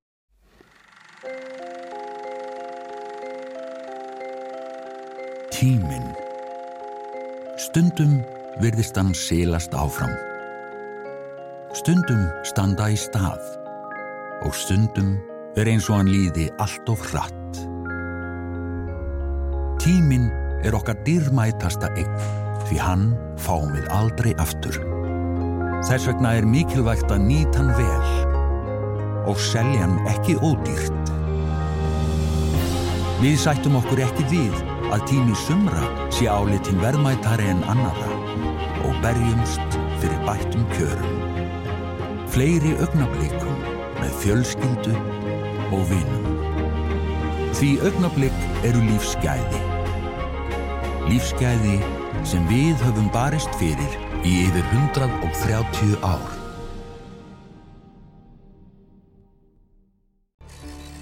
Erfileikar heimila verkafólks hafa hrífvestnað frá árinu 2021. Sex af hverjum tíu félögum í eblingu eiga nú erfitt meðan á endum saman. Hvernig getur við réttlætt það? Ebling stéttarfélag. Baróta fyrir betra lífi. Já, við höldum áfram og nú er komin til okkar ráðara, það er Áslaug Arna Sigurbjörnsdóttir, verður velkomin. Takk fyrir það. Þitt, þinn málaflokkur, eða sko þitt ráðunetti, mér finnst einhvern veginn í pólitískur umræðu, þá er svona fólk að tala um að það sé svona bara bráð að byrja ráðunetti eitthvað, þetta sé lítið og, og hérna, þetta verður aflagt bara strax eftir næstu kostningar. Já, það er það sem grípa, grípa, grípa stundum til þegar uh, hérna, rættur um þessa málaflokka sem uh, mér þykir nú miður en ég tek nú ekki mikið inn á mig. Um, þetta er nú fymta stærsta ráðunetti þegar við tölum um fjármunni ríkisins. Um, við erum hérna með háskólana, rannsóknir og vísindi, þarna er nýsköpun og yðnaður, hugverka yðnaður sem er að verða alvöru fjörða stjóðin í hagkerfinu þannig að þetta eru þetta atvinnu vega ráðunetti að sama skapi, stjórnmálamenn hafa nú talað um það síðan ég var unga að við ættum að setja ekkin í fleiri körfur í atvinnulífinu til að minka hér sveiflur og ná árangri og þannig erum við að, taka utanum þá nýsköpun, upplýsingatækni, gerfigreindin sem er nú verður ekki minna mál með hverjum mánuðinu sem líður. Svo eru þarna undir fjarskipti og, og neturíkismál. Þannig að við, e, þarna eru mörg stór mál sem skipta verulegu máli fyrir Ísland og mér hefur nú þótt umræðan um háskólana, við erum að ná stórum og miklum árangri Jú, jú. í kerfisbreytingum þegar kemur að uh, háskólanum sem búið að kalla eftir lengi eins og með fjármögnum þeirra og, og fleira. En þú blæst á það að, að þetta ráðuniti sé bara að þú verðir eini ráðverðar sem í þessi ráðuniti. Þetta verður bara aflagt við fyrsta tækiveri. Já, ég myndi blása á það en það verður þetta, mér finnst stjórnkerfið þurfa að vera sveigjanlegt. Það þarf að geta gripið utanum áskoranir uh, og breytingar sem eru að verða á samfélaginu og þegar við sáum það að þessi stóð væri svona raunverulega verða veruleika uh, sem kannski glitti alvarlega uh, mest svona uh, í, í kringum COVID þegar ferðarþjónustan fór niður og ríkistjóttin ákvaða setja meiri stuðning við rannsóknir og þróun og þá sjá, sáum við útflutningstekjur aukast verulega í þessum grein. Og þá tókum við, þá var tekið þá ákvörðun að setja nýsköpunina á samt háskólum og tækni og fleiri þáttum til þess að geta hlaupið hraðar og náð meiri árangur í þess átt. En varst það ekki þú sem laði nýskupinaminstöð? Nei, það var Já, Þórdís nýsköpunar á þeirra. Já, Já. já. Það hefur verið heilla skref. Um, já, og var mjög skynsanlegt þar sem svo stopnun var ekki að svara kalli tímans hvernig um hverfi nýsköpunar á að vera. Um hverfi nýsköpunar mælist uh, mjög vel á Íslandi í dag. Við erum orðin vel samkeppnishæfi við önnur lönd. Já, en, en, En það gerist ekki alltaf svo hratt að þessi breyting að við valdið því. Nei, nei, nei, ég er bara að tala um umhverfi í hilsinni og alla þær breytingar sem hafa verið er- gerðar á því Já, en Þetta er svona stefnubreitinga sem að, að fórusta hins opumbera, hún er tekin út úr nýsköpunni, en í staðin að þá fá fyrirtækin skattaafslott til þess að sækja í nýsköpunna, þannig að þetta er svona, við getum kallað þetta svona engavæðingu nýsköpunnar. Já, hvað er nýsköpun? Sko, nýsköpun eru bara hugmyndir fólks. Já. Hugmyndir um að gera hluti betur eða öðruvísi, um, skapa verðmæti eða leysa áskorunar og vandamál sem við stöndum frammi fyrir. Það gerist ekki á borði ríkisins, um, það gerist hjá fólki og hugmyndum einstaklinga.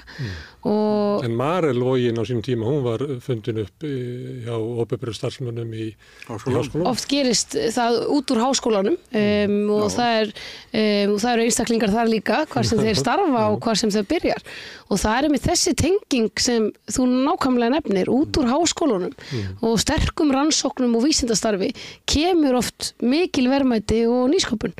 Og það er svo tenging sem þetta ráðuniti er að búa til um af því að við eigum sterka háskóla og, og öflugar rannsóknir og, og vísindamenn uh, á heimsmæli hvarða.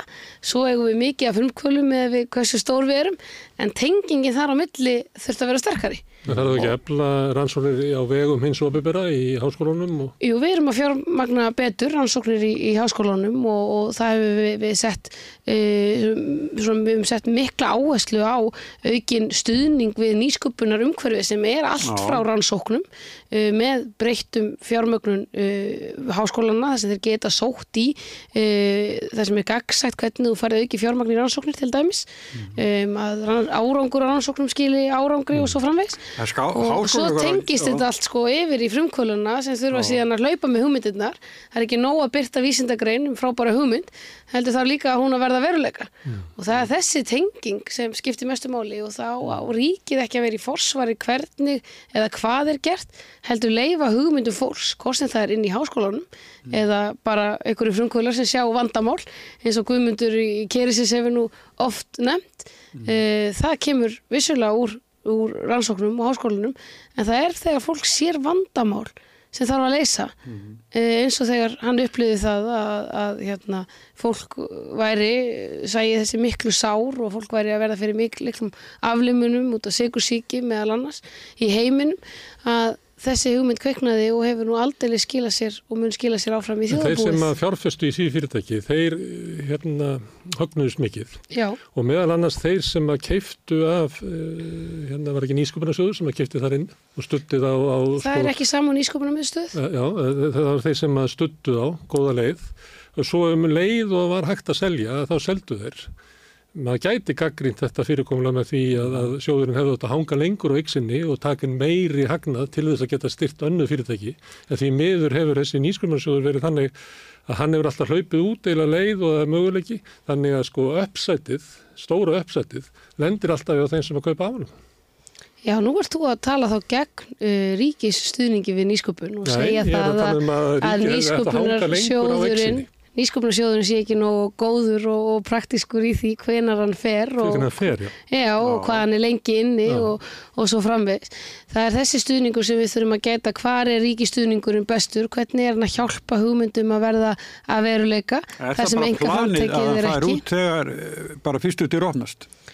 Um, nei, það er allur gangur á því. Nýsköpunarsjóðurinn sem Gunnarsmári vísar í heitir Nýsköpunarsjóður atvinnlífsins í dag um, og er, uh, um, hefur verið mikilvægur stuðningur uh, til þess að koma hugmyndum og legg.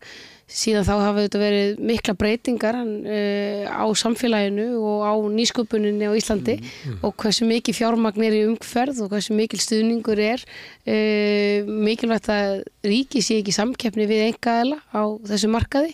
Það er að segja að það uh, hafi sér hægan þegar það eru nægir fjármunir fyrir frumkvöla og nýsköpun á okkunnu stígi en geti þá komið inn frekar þegar það vantar og það er þetta samspil sem uh, við þurfum að skoða og ég er að leggja til að samina nýsköpunarsjóð atvinnlífsins með kríu sem er sjóðasjóður sem ítir undir það að, að hér séu líka öflugir sjóðir sem fjárfesti í nýsköpun.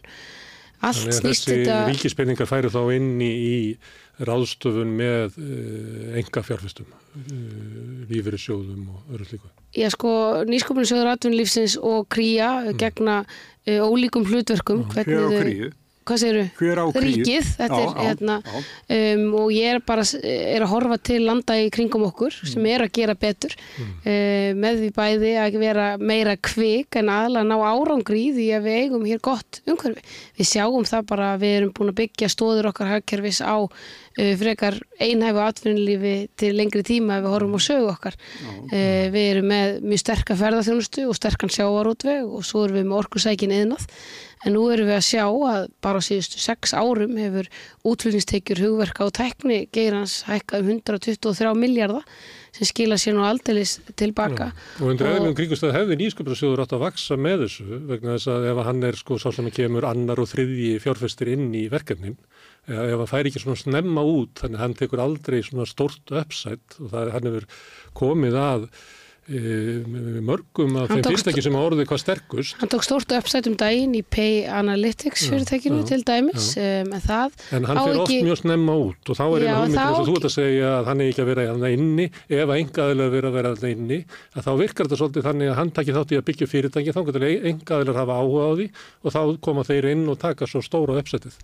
Já, markmið e, með stuðningi við nýsköpun er ekki stakur gróður, gróði ríkisins á því, heldur að við búum hér til fjölbreytt atvinnlíf sem skila sér í skattekjum, útlýnstekjum fyrir Íslands til lengri tíma. Nei, svo sjóðurinn myndi þá fá penningin og geta þá stutt enn frekar undir nýsköpun. Já, það er hann sem, það sem hefur verið að gera, hann er hann sjálfbær hann og, hrörnar, sko. og, hérna, um, og hefur verið að- að- á hérna, e, fína sjóði og það er auðvitað að má alltaf deilum það en e, hvenar hann fer út úr ein- einstaka fyrirtækjum og festast í, í þeim ánga veltum að, að þú hefði tekið betri ákvarðanir eða e, eitthvað annar sko.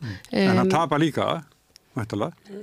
Já, já, sjálfsögðu, sjálfsögðu, þannig að hérna, það er nú það sem uh, fjármagn til nýsköpunar uh, er misjamt. Þess vegna þarf hann að ná sko uppsetinu í góðu veðmánu. Já, já, auðvitað hefur hann alveg gert það en eins og maður segir að þá er það ekki hlutverk ríkisins eitt og sér. Heldur er hlutverkið einmitt að til verði stöndug og öflug fyrirtæki sem eru ekki að sveiflast með uh, sveiflum sem við getum séð í sjáurútvegi þegar loðnan kemur ekki eða ferða þjónustunni þegar eitthvað kemur upp á sem við stjórnum ekki. Það sterka við hugverka eh, og tækni og nýskupuna geiran er auðvitað sá að hann sveiflast ekki svona af utanakomandi aðstæðum sem við stjórnum ekki Nei. heldur getum við það raunverulega s- búið til uh, svona sterka stóð í samfélaginu okkar. Stundum höfum við reynda að sé það að það var hérna til dæmis í árunum eftir hrun þegar að krónan var veik að þá hérna byggðust ég upp svona tæknifyrirtæki sem að kannski þegar krónan styttist tilbaka komið ljós að það var raunverulega bara sala og ódýru tæknivinnuafli út og komið svona tölvuleikja fyrirtæki og alls konar svona dótri. Þannig það er líka sveiflur hann sem að gengi Alls konar svona áhrif. dótir í á vegum uh, núna mjög mörg töluleikja fyrirtæki Mm. sem ég myndi ekki kalla dótir í heldur mjög stöndu og merkileg fyrirtæki á Íslandi sem skapast uh, mjög mikið út frá því að við áttum eitt stort fyrirtæki, CCP og út frá því kemur mikil þekking og mannöður sem fer síðan og býr sér, sér til sínar eigin hugmyndir og þannig erum við að sjá geira sem er líka með svo fjölbreytt fólk til starfa.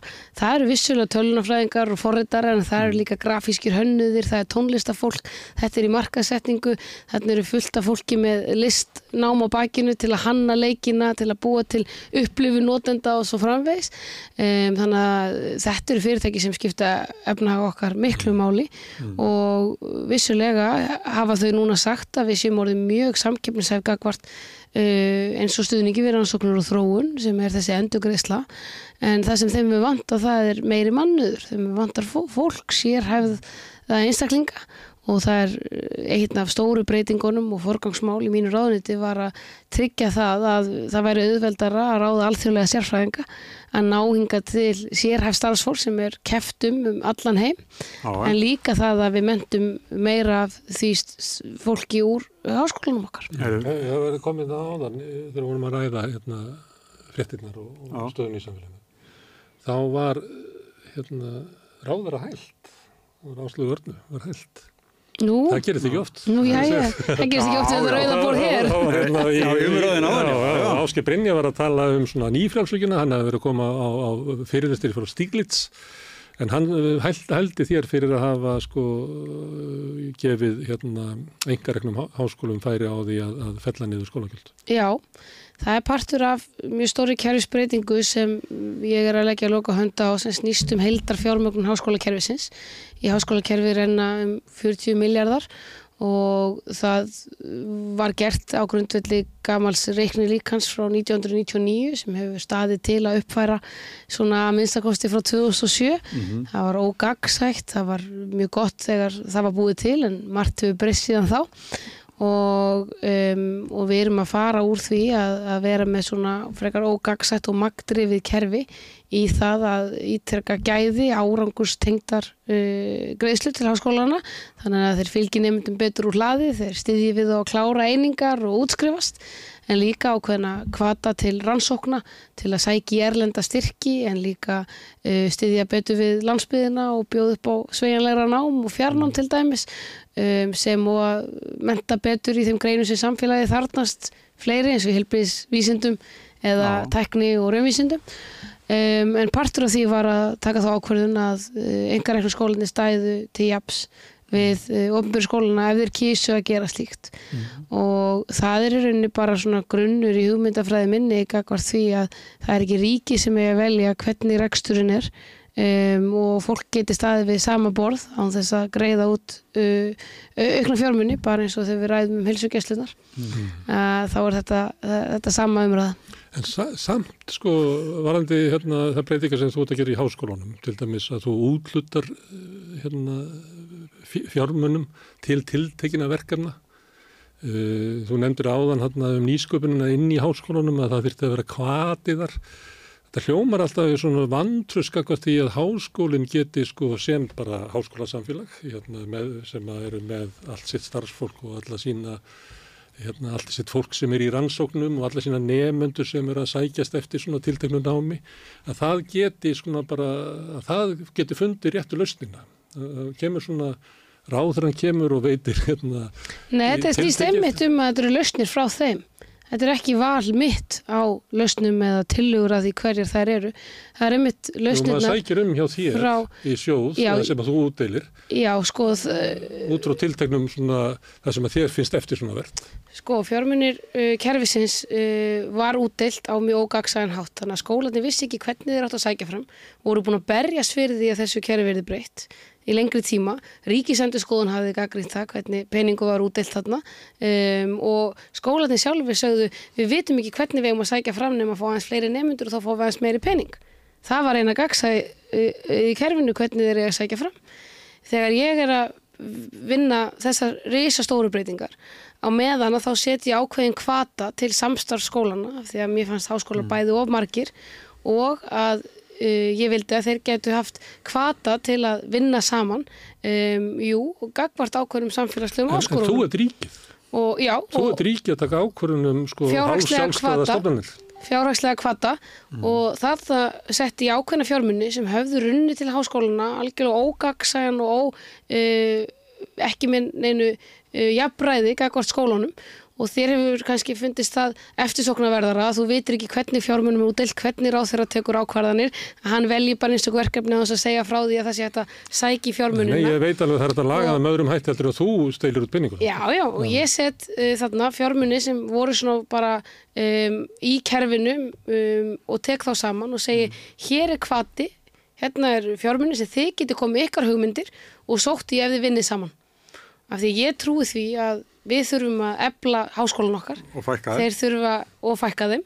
Um, fyrst og fremst þurfum við að ebla gæði þeirra og standa samkeppni við önnur lönd og gera betur og það vilja skólinni líka. Þeir En eru þá- þeir ekki að því? Akkur það þú að Við leiða? föllum niður listan sko með Já, Þetta hefur ekki verið að- Hvatin, það er ekki, ekki gefið. Já, en ef kerfið er ekki uppbyggt þannig að þeir geti sótt fram í því um, að þá er erfitt að, að ná árangri innan kerfisins og það er það sem við hefum fengið út úr þessu að það eru uh, fjölgun verulega hjá uh, í læknadeildum og hjúkurnarfræðingum uh, við erum að sjá samvinnu og saminningu mögulegra tveggja skóla, bæði Háskóla Íslands og Háskólan Hólum sem að búa til svona háskóla samstæðu, sjálfstæða um, sem nýtir styrkleika HÍ og þá geta þau búið upp á fjölbreyttar og öflugara nám.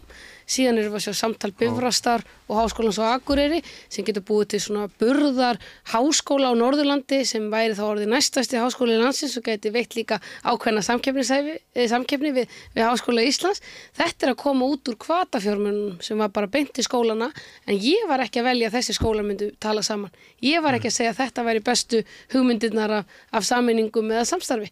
Heldur koma hugmyndirnar alfari frá skólunum En er ekki þú sem segir að þið fáum pening ef þið er í samstarfi eða saminist?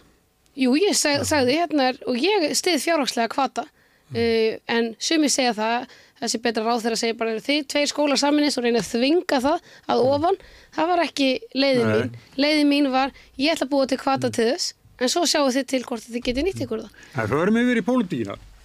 Þessa hörðu pólitík sem er í gangi. Það er hérna, það var flossarásfundur á vinstri grænum í gær þar sem að, að hérna, var ekkert fjör þar. Það er hérna, og þar segir Katri Jakobsdóttir að allt fórustu fólk í flokknum verði svona að taka þetta til sín eins og stuðu sem er.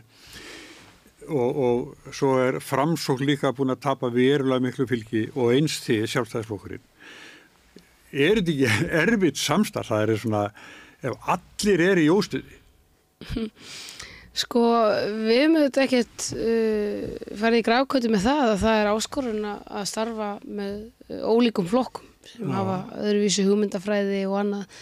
En á sama tíma getur það auðvitað verið mikilvægt fyrir samfélag til að minka polariseringu og ná saman um mál á, á fyrir stegum og styðja þau gegnum þingið eins og þessi ríkistjón hefur gert á undanförnum sex árum og það kemur, það má ekki bogna og beigja sig undan skoðanakönnunum og, það er svo ítrekkað og, og já, já, og það mingar ekki polarisering í samfélaginu, mér finnst það ekki. nei, hún hefur, aukast. núna undanfarið en, en það var mikill vilji til þess uh, fyrir sex árum að það kæmi meiri stöðuleiki í stjórnmálinn, það væri ekki hér kostningar uh, ofreglulega, það væri ríkistjótt sem myndi taka ábyrð á sínum verkefnum og hverju hefur klára þessi þau. stöðuleiki skila okkur? Við erum hérna með sko drepháa stýrivexti og, og fólk er að bugast um allt. Mm veist, þannig sko hver og einn íslendingur Auðvitað hafa komið miklar áskorunir ofan Já. í þessa stöðu og við auðvitað vorum fengum fyrst heimsfaraldur, við erum búin að fá mikið af, af veðrum, það eru stríða brjótast út í heiminum, sviðsmyndin í heiminum hefur breyst gríðarlega og bara undarförnum árum og mánuðum. Og það eru auðvitað áskorun, hér Já, kemur með aukin- COVID og, og Já, og því fylgdi og, aukin útgjöld hér uh, til þess að bregðast við því að löndum. Já, já, En það þetta smittar stað hingað okkar er bara, við berum okkur saman, bara einstaklingarnir við, við kjör uh, samskona fólks á hínu Norðurlandunum, þá erum við í mjög vondri stöðu. Hér er mjög lítið atvinnuleysi, hér eru hálaun ef við berum okkur saman við önnur lönd Já, og mjög lítið hérna. atvinnuleysi, það er dýrt að búa á Íslandi. Um, en á sama tíma eru lífskjör hér ótrúlega góð og það er mjög margt sem gengur vel. E, aftur á móti eru stórar áskorunir og það er algjörlega í forgangi þessara ríkistjórnar að vinna e, og styðja við það að hér geti verbulga lækkað og vextir. Getur ríkistjórnir það? Já, ég hef trú á því. Auðvitað að koma hér áskorunir og það er endalösar óskirum aukin útgjöld ríkisins um, að hér séu meiri útgjöld í alla mögulega málaflokka að ríkið stýgi inn í með myndarlegum hætti um, til þess að ná kjærasamningum og fleira. Um, það skiptir okkur miklu máli að við náum hér langtíma kjærasamningum og meiri frið á vinnumarkaði til þess líka að ná niður verðbólgu og lækka vexti sem skiptir en, alla en máli. Hérna eru bara margir bara mjög illa farnir og, og Ég myndi ekki segja að en- innviði væri mjög illa farnir á Íslandi. Jú, er þau auðvelt fyrir ykkur að ekki sita hér og, og- og tala niður samfélagið okkar. ha, ég keri Reykjanesbreytinu hverjum degi og, Já, þar hefur nú aldrei breyst mikið, hún er Nei, mestu ætla að orðið sko, tvöföld og ég, ég var mörg á til sjós og mér þetta minnum alltaf að ég sé að hérna, siglu upp í sko brælu bara því að sko hjólfurinn er svo djúb og mikið vatnið þeim, þetta er stórhættulegt og, og þetta er mest ekni, ekni vegur landsins og við Mm. sjáum þetta mjög víða, það er hérna margt aði í, í þessu, það vantar maður átt að alveg á því að við getum gert betur og, Já, og einsker er ríkistofn hæf til þess? Já, það tel ég fyllilega. Við hefum verið að byggja hér upp og setja gríðarlega fjármunni í heilbriðiskerfið og almannatryggingar.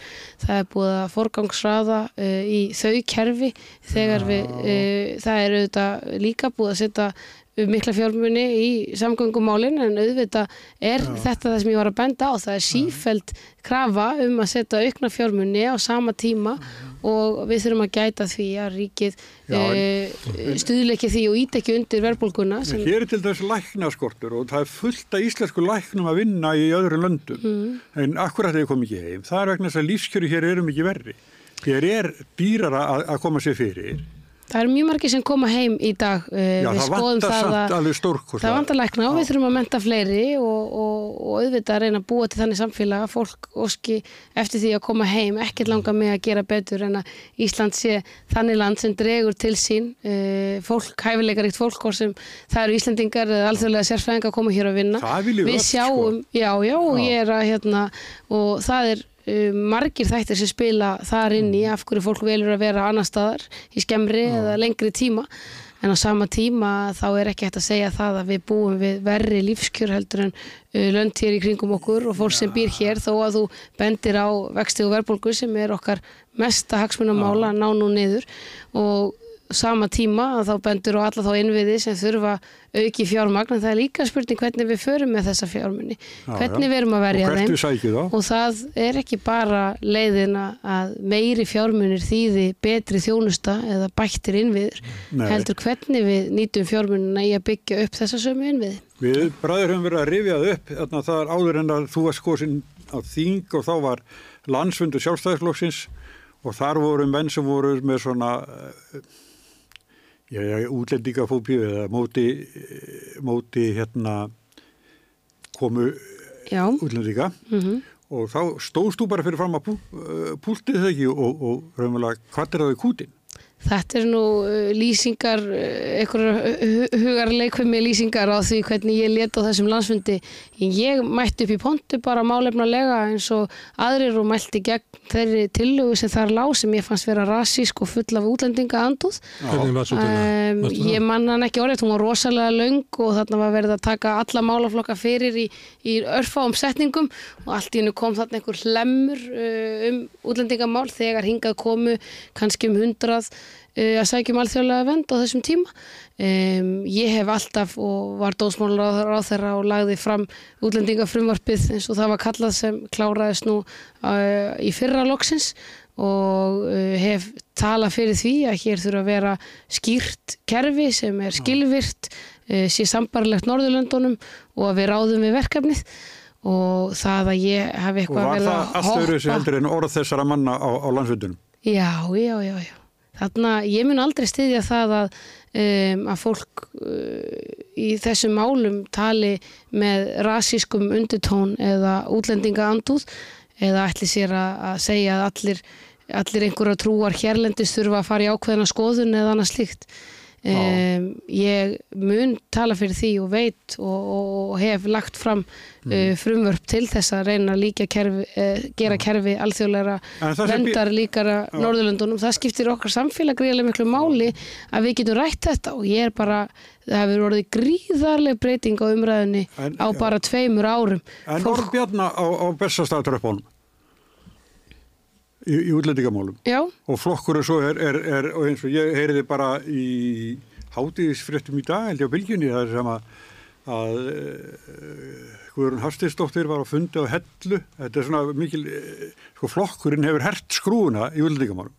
Við hefum verið að tala skýrar en við erum líka bara að segja það sem við hefum sagt í lengri tíma.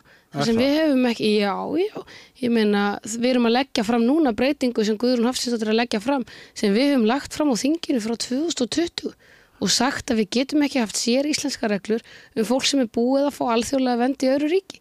Og þegar ég legg, legg þetta fram að þá bara eru mótmæli við heimili mitt og það er hrækt á mig út á götu og, og maður er talin hér algjörlega að vera uh, með ógeðslegt frumvarp um, við hefum talað eins í þessu málflokki þá varaði ég við þróuninni í kostnaðinum við kerfið það var þá komið upp í fjóra miljardar 2020 Já, já.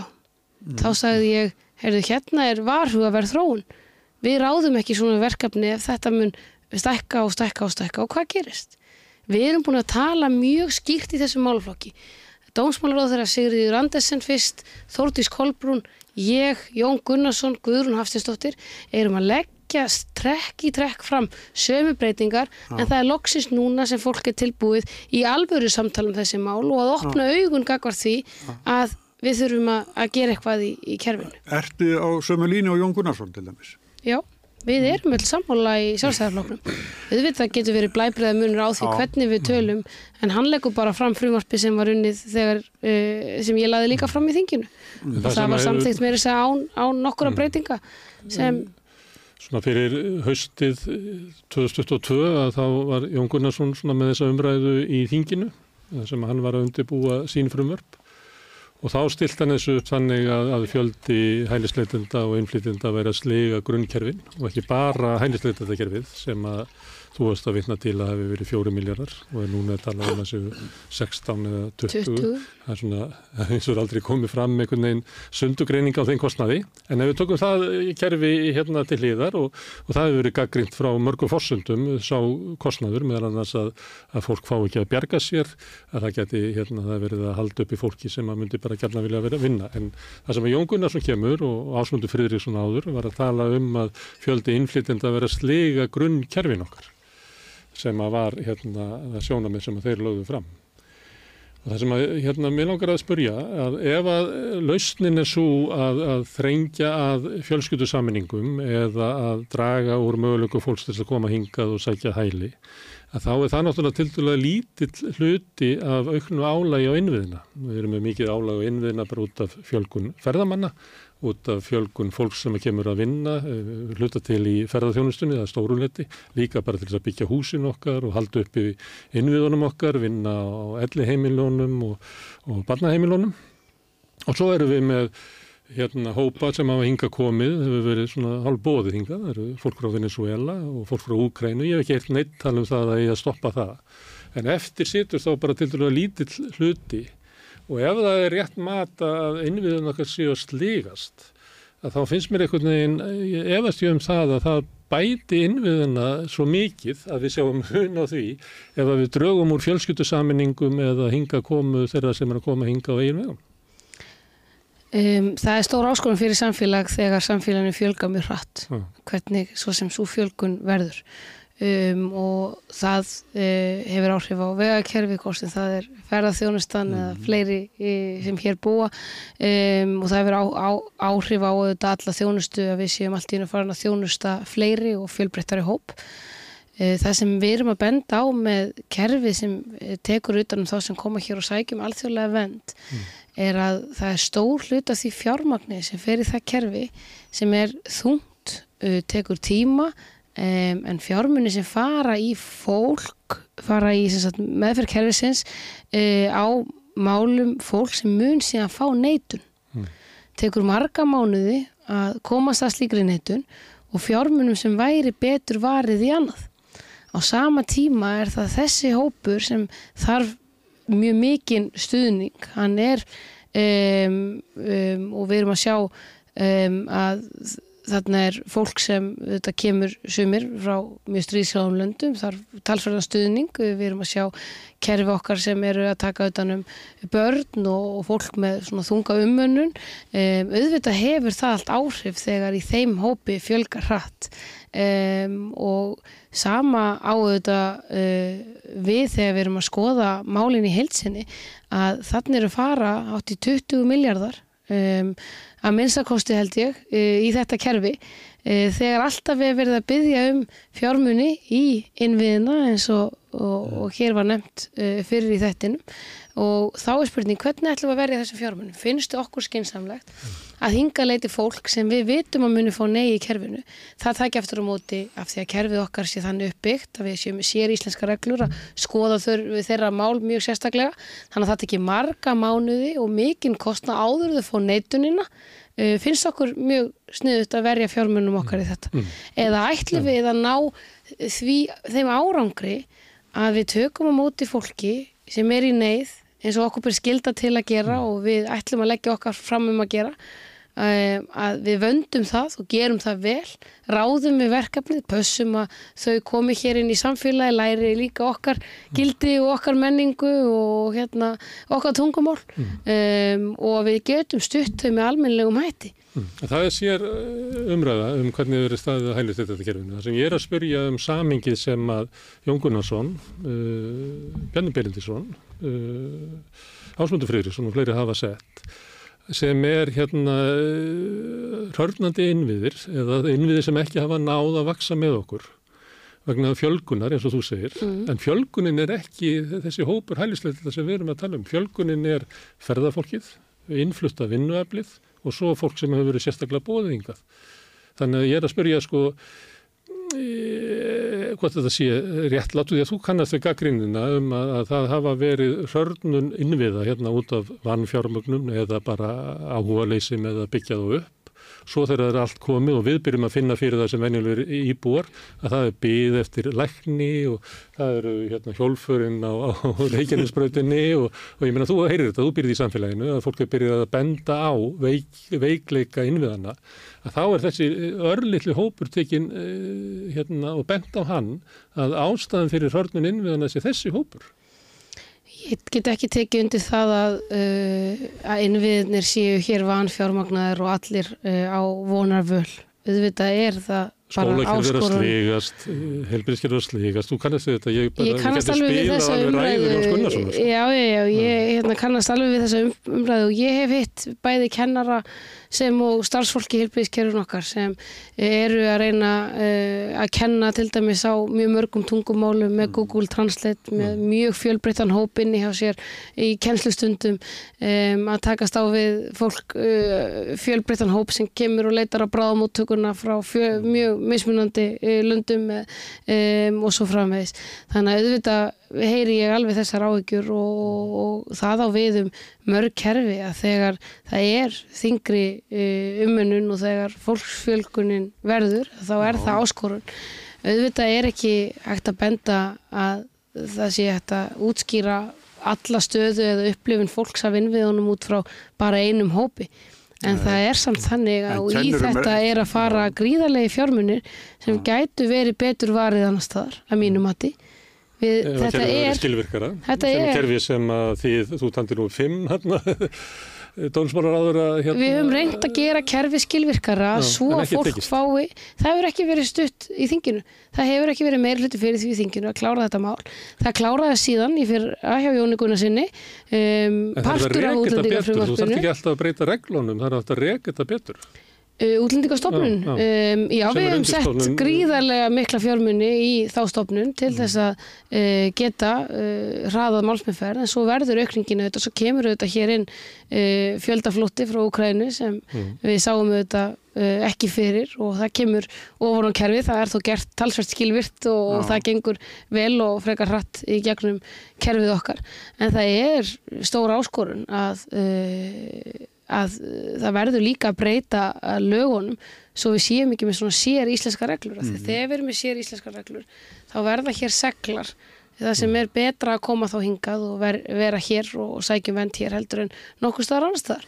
Og, já, og já, já, Gunnar það var- Smári spyr hérna eins og af hverju þau með ekki vinna fólk hérna um, það væri ekki gott fordæmi að fólk gæti komið hér og beðið eftir vend og vitandi að það fengi nei að það gæti unni hér í nokkra mánuði eða getur það ekki hvergi annars staðar í Evrópu. Þannig að það er uh, Talandi um uh, segla, þá er náttúrulega st- stæðsta breytingin í, í hérna, uh, hælisleitenda stefnu íslenska stjórnvalda var þegar útlendingastofnun opnaði fyrir hérna, fólk frá Venezuela sem að fekk automatist uh, hvað verða kallað? Hérna, uh, viðbúta vernd viðbóta sem að þýtti dvalarleifi til fjögur ára. Uh, það gerðist eða ekki þegar þú varst í ráðundra.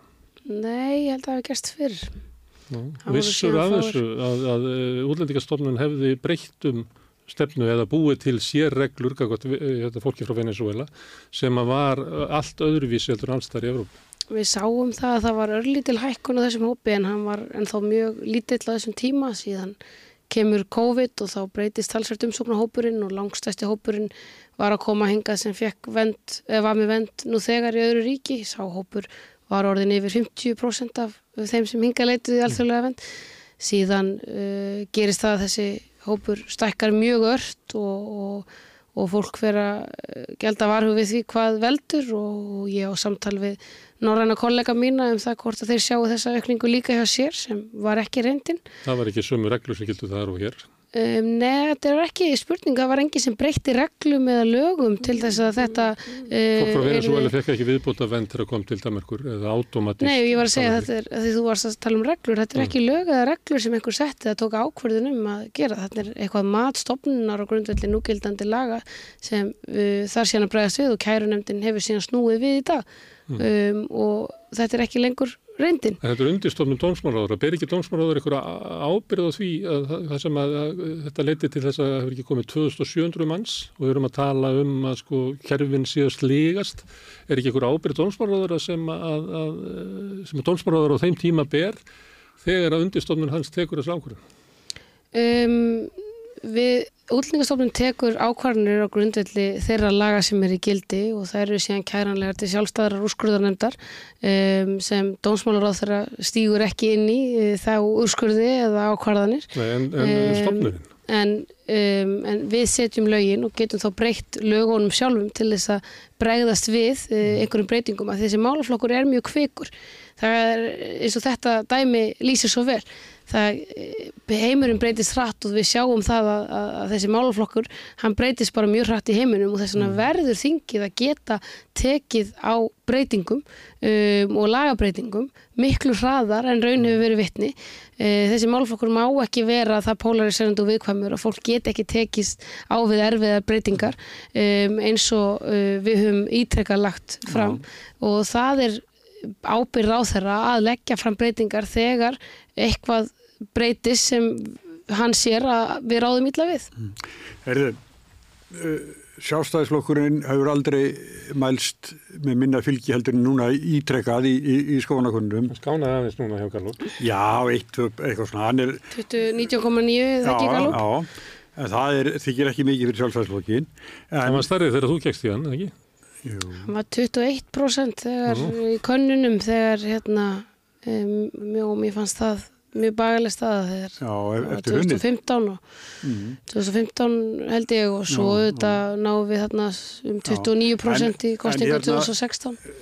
Sko, vinstirgræn halda fund og það sem að, að Katrín segir að allt fórustu fólki verði að hugsa sem gang og annað. En sjálfstæðisflokkurinn, hvernig er umræðin um þetta hjá ykkur? Þið, að, að þetta er óásættanlega stað að hugsa ég. Já, já, þetta Já. er uh, sjálfsög, við viljum alltaf gera betur og Já. ná fleirum til fylgis við okkur og Er Bjarni rétti maðurinn til leðaflokkin? Bjarni fekk góðan stuðning til þess á síðasta landsundi þegar uh, á, hann fekk mót frambóð Já. um, og leiðir flokkin og er um, mjög, hefur verið mjög öflugur ráð þeirra, nú er hann komin í utaríkisráðanettið Mm. og auðvitað sér maður svona mælingar og er ekki sáttur við þar, við þurfum að taka þær alvarlega og ræða hvað við getum gert betur Ég held að það snúist líka um það hvernig við komum stefn okkar og málefnum á framfæri, hvernig við útskýrum það uh, við fólk og nýjar kynnslóðir. Um, En sjálfstæðarflokkur er búin að vera miðaflið í íslensku stjórnmálum löngu áður en við öll fættust sko. Og það- og hann er það ennþá. Hvernig getur flokkur sem er í þeirri stöðu sagt að, að hann hafi ekki komið sinni stefnu á framfæri? Ég, ég held að uh, bara með breytingum og öru að stefnan auðvitað er skýr og grunn gildin okkar hafa, eru svo sömu og En þetta er að fólk sem er lifin í þessu samfélagi veit ekki nákvæmlega hvað sjálfstæðarflokkurinn er. Um, nei, ég er alltaf að rekast á ungt fólk sem hérna, um, þekki lítið hugmyndafræði flokkana. Um, hefur kannski haft lítinn áhuga á því en finnst það líka að vera óaðgengilegt í nútíma samfélagi. Það heyrir fjölumila að hafa mikla skoðanir á svona einstakamálum sem er á lofti hverju sinni en, en eh, þú fyrir á kostningafundi og það er ofta spurt bara viltu betra heilbríðskerfi og allir svara já en það þarf ekki að, að svara hvernig við Já. ætlum að, að gera það. Líka er ekki bara best að kjósa framsókn, það duði framsóknflokkum mjög vel. Já, já, og þá er spurning hvað er á bakvið stefnuna, hvað ert að kjósa? Í dag held ég að sé meiri áhugi á pólitík uh, og hugmyndafræði. Sjálfstæðarflokkurinn er ekki saklus að þessu, það var land, landtækifærin held ég sér. Já, stöðuleikin. Það er ekki alltaf djúpt, djúp kostningaslárin. Nei, og það er kannski einhverju sem vilja orða þau með dýbri og lengri hætti og, en landtækifærina er, finnst mér mjög gott slagur því að það er nákvæmlega það sem ég held að Ísland sé og geti verið. Líka stöðuleikin, í- sko, það, það voru stýrivestir í sögulegu lámarki og okkur var eiginlega lofað áframhald á því. Já, og svo gerast utanakomandi hlutir sem og heimsfaraldur sem eru þetta mikil áskorun að takast á við og það var endarist kalla eftir auknum útgjöldum, sérstaklega hjá stjórnarnarstöðinni sem hefði skapað enn verri stöðu enn þá verri stöðu en við erum í Það dag. vitum við nú ekki, Og það það er ef- óreitt. Jú, ef, sko. ef, ef ríkið hefði eitt verulega auknum fjármunum Mm. við það sem þó var varið til þess að koma til móts við þá uh, stöðu sem uppkom vegna veirunar. Berðu Em, fyllt trösti bjarnar Ég ber fullt trösti Björn Beðssonar, já. og sér ekki fram á að, að hann uh, vikið hætti. Ég hef ekki, ég, ég hef ekki hugmyndum hvenar hann ætlar að gera það og hann verður að svara því sjálfur auðvitað hérna um, auðvitað eðlilega verða einn daginn skipti og hann kallar þetta gott í pólitík en, en ég ber fullt tröst til hans. Og hann er miklu eldri en þú og þú miklu yngri en hann, hann er öllu líkitum. Þetta var góð staðrind. þetta, þetta mun gerast að menna þú ert virki í politík. Hefur þú áhuga að taka við Sáttálunum? Ég er núna bara að sinna mínu verkefni í mjög mikilvægur ráðuneyti sem ég vil skipta máli fyrir Ísland. Dreymir, hugsaðu þið aldrei þig í því hlutverki? Ég auðvitað hef mikinn metnað sjálf og Já. sé hvernig og sé ímsa hluti, eða hvernig maður geti gert ímsa hluti Mm. uh, með flokkin og ég auðvitað gerir það bara sem líka ótviti í Reykjavík Mm. uh, hvernig ég held utanum mín verkefni og minn hóp og hvernig ég reyna að koma hugmyndi mínum á framfæri Og þau er gaman af politík. Já, ég, mér finnst það Og mér fannst áðan eins og varst að tala um að það var láfið að vera eiginlega kvart yfir því að vantaði eiginlega svona bara meiri alvöru pólitísku umræði í samfélagið. Já, ég, ég held að sé sko köllun eftir því. Ég fann það núna vel í kjördamavikunni að fólk Já. vil ræða pólitík, það vil ræða hugmyndafræði, það vil ræða sterkan Tippuðu fólk líka á grunn að flauta. en ekki bara, já, já, fólk flautaði allan hengin í kringum landið og, og fólk vil ræða kerfin okkar, það vil ná árangri, það, um, það er mikill metnaður í samfélagin okkar. Og það er það sem er svo gaman við pólitík að, að þá erum við að takast á við hugmyndafræði hvernig við getum gert Ísland betra. Já, og öll erum við sammála um staða- það að við viljum ná meiri árangri. Það er bara Staða- spurning hvernig við ætlum að gera það. Staða sveitafélag og jáfnvel út af þessar saminningu sko, innan sumu sveitafélag er mjög misjöfn. Við getum tekið dæmi bara til dæmis á, á Östurlandi, þarna þessu eins og Breidalsvík og Stöðafjörður sem fórum í ítlátur, kótonum voru áður með blómlega útgerð, þarna er sveitafélag sem að kjör breyst. Já, það er mikil breyting en gaman Já. á saman tíma að fara um landið og sjá líka nýjungar verða til Já. og ný fyrirtæki að byggða á nýjum grunni sem er verið að, að hérna, sem kom kannski ekki að fulli í staðin fyrir það sem var, þarna þekkti fólk bara mikla vinnu, örugar tekjur. Já, svo auðvitað bara breytir samfélagið okkar og það verður ákveðin framþróun í, í kerfunum og, en Og það sem er gaman breytist. að fara, pólitíkin breytist Já, en það er líka gaman líka- að fara um landið og ræða þetta við fólk um land allt. Við getum skoða heiminn og pólitíkin er mikið að breytast og hægrið er að breytast. Það eru hérna flokkar sem eru að vinna sko kostningasigranna í Evrópu. Eru þeir voru reyndar eitthvað tíman í svona bandalæg með þessar flokkum eins og Svíþjóðademokratum og en síðan er það frelsisflokkurinn og, og Meloni á Ítalíu, það er hérna mikil rót í, í hægrinu, ykkar flokkur sem að hafi kannski litið mest til í íhaldsflokkurinn í Breitlandi, hann er ekki í góðu, góðu standi þessar dagana. Og sömuleyti er eins og síðan svona hugmyndafræðilega breyting, eh, einhver geti orðað sem að svona tími nýfrálsvíkina veri eh, líðundur lok, nú verið að koma svona tími þjóðurnis populisman sem að vera að koma.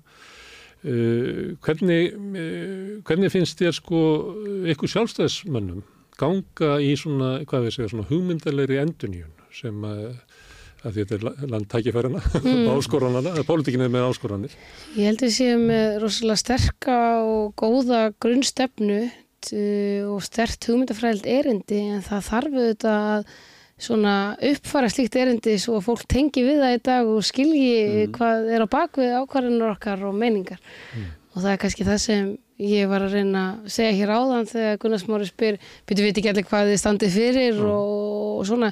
Jú, auðvitað veit fólk eitthvað grunn. Við eh, styðjum það að, að ríkið styðji hérna, sjáum ákveðna grunn þjónustu, við viljum lága skatta, við viljum að einstaklingsframtæki fá að blómstra, við viljum styðja fólk uh, hérna á, á, á þeim grunni að við hjálpum þeim sem þurfa á því að halda en, en uh, að, við, að ríkið sé ekki allt um líkjandi.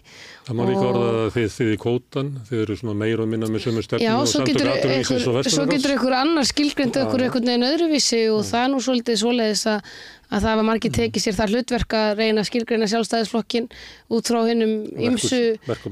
Já, eða bara svona hugmyndum um, um verkin myndi ég segja frekar en uh, síð, það er frá þinn einn hugmyndafræði oft á tíðum eins og þú horfir á hann og svo framvegis. Þannig að það sem ég finn eins og hjá ungu fólki, það eru þessi nýju samfélagsmiðlar, hvað er mikilvægt að þau hafi gott aðgengi upplýsingum til þess að taka ákvarðanir sjálf um það uh, hvernig þau horfa sjálfstæðarflokkin og við tölum um okkar hugmyndafræðilega erindi út frá fólki á máli sem fólk skilur um mál sem fólk hefur áhuga á og skiptir fólk máli og það er, mér finnst við stundum dætt í það að vera svolítið kerfisflokkur við flækjum hlutina stundum fyrir okkur og, og fólk heyrir ekki alveg svona kjarnan og hjartað sem er í sjálfstæðastefnum Heldur þú að, að hérna, tjóðin verið sátt við það að þið seljiði restina Íslandsbóka á því sem er eftirlifur að ekki um þess ári? Ég held að það sé rétt að selja restina af Íslandsbóka og mikilvægt um, Þið brendu ykkur á þessu síðast verða alltaf mikla skoðanir um það og hafa alltaf verið mikla skoðanir um það hvar uh, ríkið uh, á að vera og hvort það er að vera í samkjöfnisvextri yfir höfuð. Um, það verða einhverjir ekki sáttu við það. það verða einhverjir ekki sáttu við það Já. en það eru líka margir sem stiði okkur í því að klára það. Heldur að ríkisjónin sé samálega? Já, hún hefur búin að taka þessu ákvörðin Þannig vinstri græn eru er samálega þessu að selja Íslandsbóka á þessu ári enda horfa vinstri grænir til mikill að útgelda sem uh, vanta fjármunni og þá uh, væri ekki verið að klára sölu á, á bankan. Er, eru þið frekk til fjárins? Eru þau? Já. það eru allir auðvitað að berjast fyrir sínum máluflokkum og, og vilja gera betur. Það sem ég séu auðvitað mestu tækifærin í er að við getum notað og nýtt þessa fjármunni með nýjum hætti, nýtt nýsköpun í kerfinu okkar Eh, hvort það er í helbriðiskerfinu eða öllum öðrum kerfum til þess að nýta fjármunni betur og ekki síst veita betri þjónustu. Ekki gringa á skuldum? Jú, við hefum nú aldrei verið að gera það og stöndum mjög vel þegar það kemur að því með önnur lönd. Þú, af því að þú ert búin að bera okkur saman við Það er búin að reyka ríkisjóðunni halla hérna áruð saman en við erum ekki að minka skuldinar Við, við hefum verið að greiða niður skuldir og ég minnist þess nú að standa Við erum að auka skuldinar með að þú reykur halla þá er þetta auka skuldir Ég átta mig á því en, mm. en við höfum forgangsraðað verulega í því að greiða niður skuldir og ég minnist þess nú að þegar píratar mæta til dæmis í þingsal og gaggrín okkur hástöfum fyrir það að vera greiðanuð skuldir en ekki vera að deila þessum fjármunum eins og þeir væru bara á lager í e, ákveðna innviði eða, eða verkefni. Um, og við vorum gaggrínt fyrir það að hafa forgangsræðað að greiðanuð skuldir. Um, og, og hérna en við hefum alltaf sett það í algjöran forgang. Um, en við þurfum líka átt okkur á því hvernig við getum forgangsræða fjármunum ríkisins betur í þau grunnkerfi sem við ætlum að sjá betur um og hvernig við getum uh, náð meiri árangur með það er bara ekki góð hugmynd að verja meiri fjármunum ítla. Mm. Það myndi greina eins og þau myndu orðaða losa fjármunni sem að ríkið er með bundið í landsvirkjun og nota því annu kerfi? við viljum auðvitað tryggja það að, að, að orkukerfið okkar skili okkur árangri og stuðli hér á auknum Og það gerir það heldur betur. Um, en betur má ef duga skal. Við þurfum þar líka En viltu selja hluta landsvirkjum? Það hefur ekki verið á, á dasgrá um, en ég held að það skiptir máli að það sé aðeins meiri markaður uh, með orkuna, um, að það sé ákveði markaður millir fólks eins og við sjáum árangur um í öðrum löndum, þar sem þú getur fyllt frítt á bíliðin gegn því að selja af honum þegar þú ert í vinnunni. Um, að það sé ákveði mark, markaður með rafmagnið svo að við lækum kurvuna og þá þurfum við ekki alltaf að hækka og hækka toppin ef við náum að fletja hann út eins og þekktist kannski í COVID svolítið, þetta snýst um orkukurvuna. Um, við þurfum líka að styrkja flutningskerfið. Um, við þurfum að virkja meira og sækja meiri orku en við þurfum líka að nýta svona snjall tækni og, og, og svona tækni lausnir í þessu kerfi til þess að nýta hana betur Þegar þú tala um svona erfiðleikana við ríkistjónir, að það séu ólíki flokkar, þá held ég allir heyrið að þú setja að tala um vafki en ekki framsókn. nei, nei. Þetta, ég, ég held að En það eru orkumálin, Já, innflytjandamálin. sjálfsögðu greinir okkur Það er- það vita það allir að, um það vita VG. allir að hægri sjálfstæðarflokkurinn og vinstur grænir og stikkur manganum í pólitíkinni Já. Eh, En framsvon er þarna á milli og, og það er bara að starfa með Stefnulaus. flokkum sem eru með mismunandi stefnu, sjá samfélagið en við höfum komið okkur saman um ákveðum verkefni, um stjórnarsáttmála um það að ná árangri fyrir þetta land og, og við erum að vinna stöðut af því þó okkur greini einstaka sinnum á. en það er enga líkur á því að sjálfstæðarflokkur um vafki verið saman í ríkistjóni í næsta kjörtjumabili. Ég, Sára litlar. ég hef lært það að segja í pólitík aldrei segja aldrei. Heldur að ríkistjónin lifi út kjörtjumabilið? Já, ég myndi held það. Af hverju? þú ert ekki viss. um, af hverju, mun ég, af hverju Já, held ég það? já. Það eru bara stór verkefni framöndan þetta hefur komið e, Grindavík svona, hefur komið svona svolítið inn í, í hliðina á öllum þeim stóru verkefni sem voru Mm. Þannig að það fyrir. væri ábyrðaleysi fyrir flokkana að ganga frá því. Ég held að sé mjög mikilvægt fyrir okkur að halda uh, áfram þeirri vinnu sem við erum í uh, og ekki síst til þess að ná hér niður verðbólgu og vöxtum og sjá aðeins glitta í það áður en um, að við göngum til kostninga. Við vorum að ræða þetta hérna áðan við, við hinnum gestunum okkar. Mm. Og þá var hérna, fólk sem hafði verið að spáði að ríkistóttum myndi halda, var allt í norðið efins, til dæmis, ég býst við að það heyrist hérna rattir innan úr sjálfstæðarflokknum, sko við getum ekki verið ríkistjótt, þar sem að flokkur forstisráðara mælist með 4,7% fylgi. Það er alltaf verið að fá punktmælingar sem eru ekki eins og vonir stóðu til eða, eða vendingar Já. en við látum það ekki skilgreina ríkistjórnsamstarfið. En það geti ekki orðið hrókeringar innan ríkisvöldnarinnar. Ég, eins og ég sagði, ég er ekki hér til að koma og spá fyrir um framtíðin og hvað getur mögulega gerst Þú og er ekki annað. heilt eða tekið þátt í það umræðu. Nei, við erum bara í okkar vinnu, það eru stór verkefni framöndan eins og við höfum rætt hér útlendingamálin, það eru orkumálin, það er Grindavík, það er efnagsmálin, það eru mentamálin og heilbriðiskerfið og samgöngurnar. Þetta eru allt stór verkefni sem við þurfum að setja í forgang og, og vera ekki að gleyma okkur í einhverjum svona uh, vangaveltum um hvað og ef og hvernig sko. En því, lengri sem listin er um svona mikilvæg mál sem að snúa ríkistjóninni og það er bara þannig, það er Grindavík og það er alls konar breytingar í samfélaginu, það er kjara samninga, það er margt sem að hérna, ríkistjóninni þarf að koma að. En við erum með hérna, mælingar sem að sína bara æ minna tröst á ríkistjóninni og, og það trösti, við getum deilt um það hvort að innviðinu séu svona eða hvort að þið hafi gert nóg eða ekki nóg eða eitthvað sliðis. Eftir situr sko minna tröst almenning skakvat ríkistjóninni um að ykkur muni takast að leysa þessi mál sem ég býst við að sé. Það er ekki þannig að fólk treyst ykkur til að leysa málin er óanað með eitthvað annað. Það er bara, eh, þú veist, þið eru að eh, leiðilegt þetta íþróttamál sko en þið eru svona að missa klefan og missa salin. Já, það eru þetta, ef við skoðum pólitík í gegnum tíðina eða út, um allan heim, að þá er það eðlileg þróun þegar fólk er búið að vera í ríkistjórni í lengri tíma. Um, við þetta ætlum að halda áfram að reyna uh, ná til fólks í þessu landi með því að gera betur og sinna okkar verkefnum, en Já. það fór enginn í pólitík að þetta eru auðveld. Mm. En þú ert í þínu ráðuniti og það er svolítið munur hvernig þegar þú varst að tala um verkefnin þín og svo þegar þú að tala um ríkistjórnina. Og það, þú kannast líka við það að það talað um að ríkistjórnir sé þannig að það séu, sko, ég man ekki hvað eru mörg, eru ekki tólf? eða? 12, jú. Já, séu tólf ríkistjórnir, hver sinni bara sínu. Þú ert að bera ábyrða á þínum verkefnum Já. og það sem hefur verið ótrúlega gaman og við hefum ekki náða að fara inn á hér eru þetta svona þær breytingar sem ég hef verið að gera á stjórnkerfinu, gagvart mínu ráðunetti Mm. Innlega svolítið nýsköpun í stjórnkerfið með breytingum Já. á ráðuneytunum til að hérna, uh, ná auknum árangri. Ert einhvern veginn með eiginlega þína skrifstofu að hálfpartin að hjólu með þengi? Jú, ég fer mikið um landið og Mm. er reglulega annar stað með skrifstofuna mína. Ég er búin að vera að minga síló og fækka skrifst, skrifstofum og yfirstjórnum og það sé ekki svona langt í ráþæran, það séu skýrar í forgangsverkefni. Ég skipa enga stýrihópa nefndir eða ráð. Við erum, vinnum í svona vinnustofum og, og samráðum með öðrum hætti til þess að uh, liðka fyrir málum og og það eru svona ímsa breytingar sem við höfum verið að innlega um, til þess að, að því ég held að stjórnkerfi geti unnið betur og hraðar ég held að sé krafa frá almenningi að stjórnmálumenn sem komast uh, eða koma á þann stað að fá stjórna ráðuneyti um, að þeir skili því sem þeir lofið, að þeir klári stóra kerfisbreytingar sem uh, búðar að býða eftir í langan tíma eða þeir lofaði kostingum og þá þurfa ráðherra líka að hafa stjórn á sínu ráðuneyti og geta forgangsraða skýrt verkefnum og náða árangri með þeim hópi. Og, og það er uh, held ég talsverð stort mál.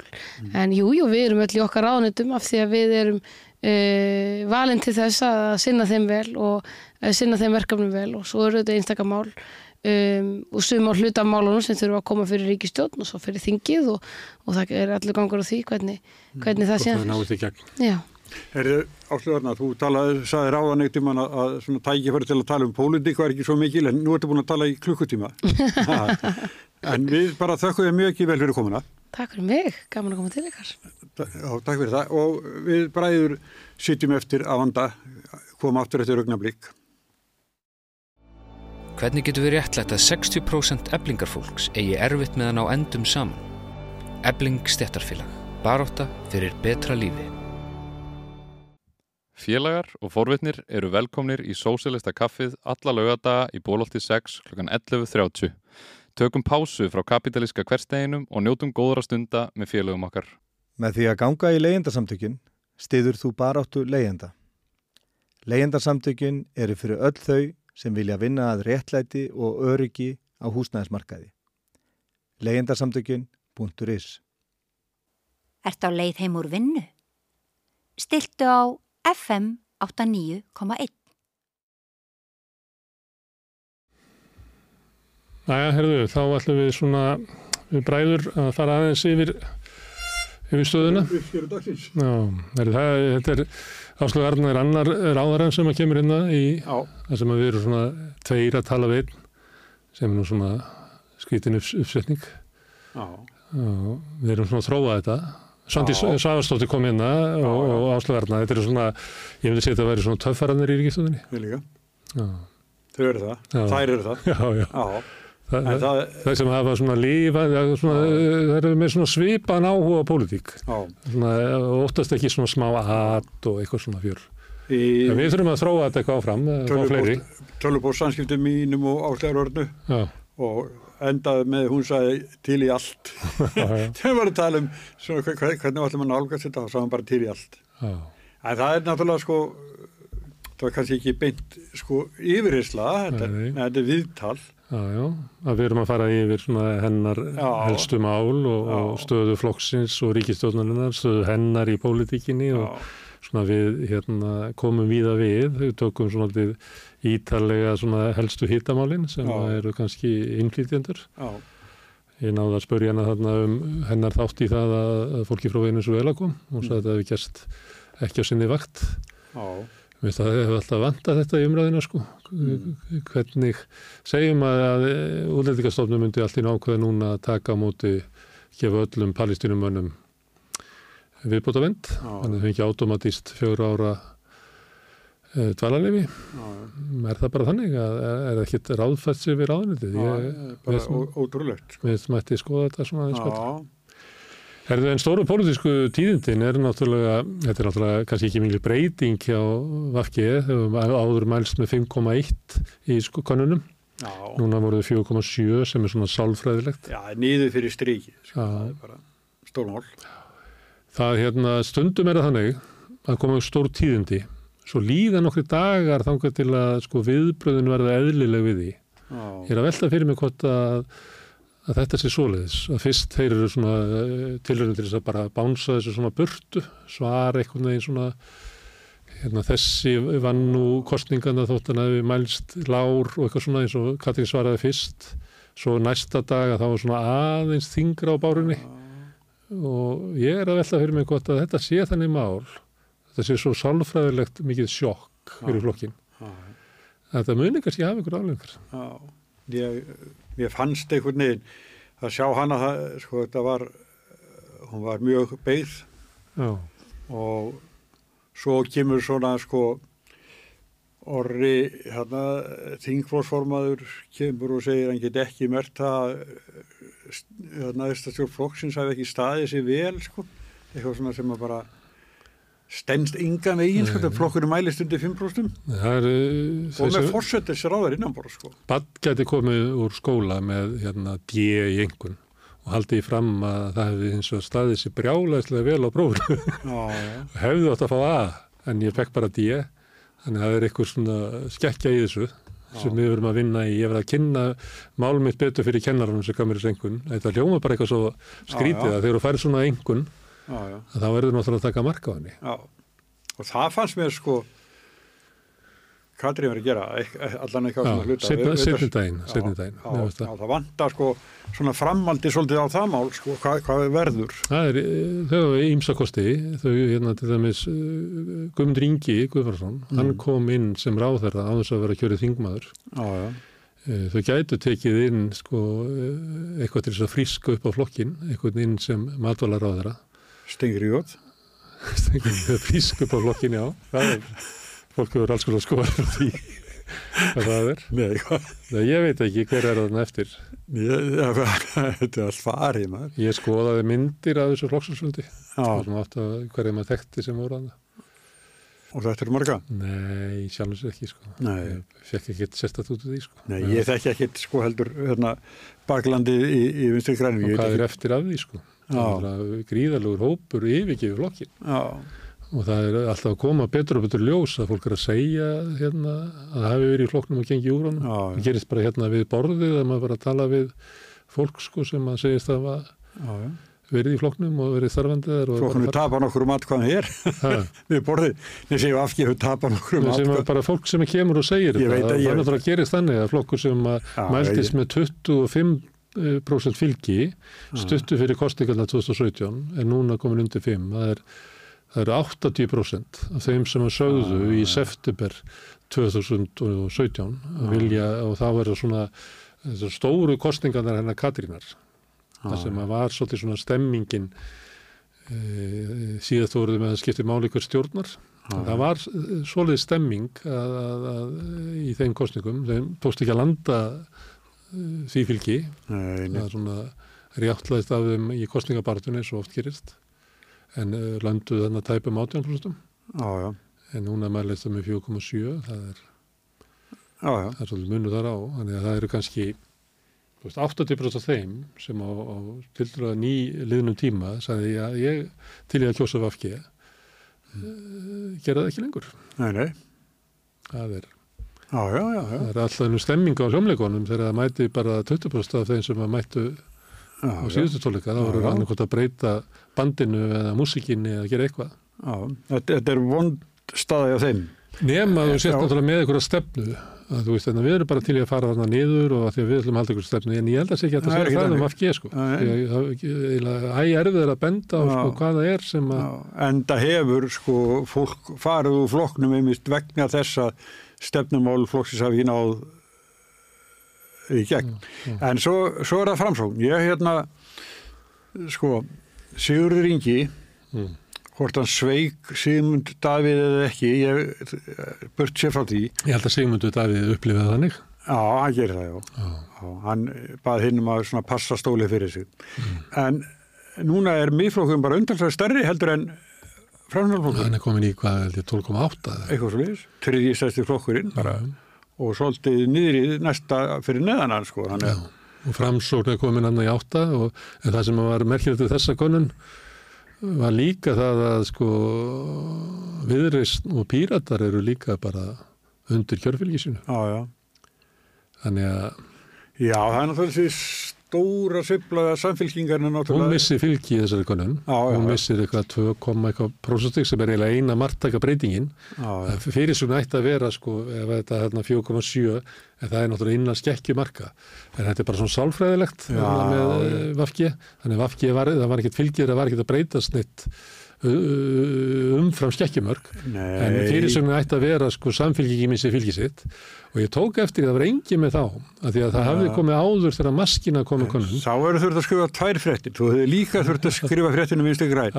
Þú verður með tvær fyrir sig. en ástæða fyrir ég er að nefna þetta er að þegar maskina kom með og þá var svona aðeins hækkun að eitthvað 1% stygg að þá voru hérna uh, fylgi samfélgingarnar eikst eftir innflýtjadömræðina sem að var eiginlega álíktun sem að var ekki hægt að draga Nei, af nei, nei, en núna ertu með margtækt fall, þannig að nú ætti fyrir svona að vera, samfélgingi missi fylgi í kjölfar innflýtjanda hérna, útspils já.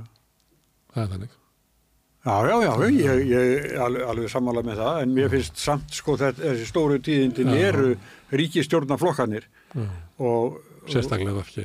já, sérstaklega afki. Svo var ég að horfa yfir sko með, með, með fylgi sem að, að framsóknum með, að þá er alveg augljóst að, að óbreyttu verða mikla breytingar. Þa, það er til dæmis Korki, Lilja Alfredsdóttinni, Ásmundur Einar sem eiga eh, nokkra möguleika að halda þingsæti Ég held að þau metið að þau munu ná, ég held að þau breyti ekki fyrir kostningar, framsókn, að framsókn trúir því að við höfum svo oft snúið þessu við í kostningabartunum, við erum hérna, Íslandsmeistarar í kostningabartu, framsóknarflokkurinn er það bara. Já, þeir ætla að vera með svona einhverju töfrabröð. Já, Nei, þeir eru búnir með þann brandara, sko.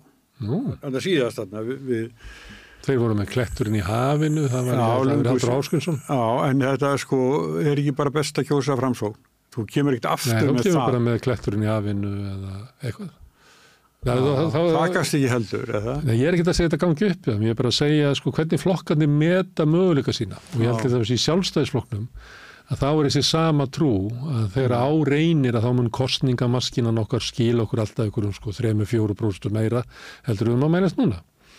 Uh, og það sama á við um framsókn. Og þeir hafa bara að tvöfaldast í, í sókninni. Þeir náttúrulega unnuð svo fáránlegan kostningasígur 2013 með, hérna, með Sigmundi Davíð og hann að kletturinn í hafinu sem við verðum að tala um þeir unnu ágætlega á 2003 og heldur lífi í ríkistjóttinni þegar, þegar Davíð Oddsson misti sjálfstaflokkinni niður í 33% Já, já, þannig að það er svona inn í svona kerfinu þeirra já. er svona hugmyndum það að þeir geti snúið þessu við ég er ekki viss um að það sé í Vafki sko. Nei, og ég heldur ekki sem að heldur að sé í, í, í framsókn. Ég held ekki.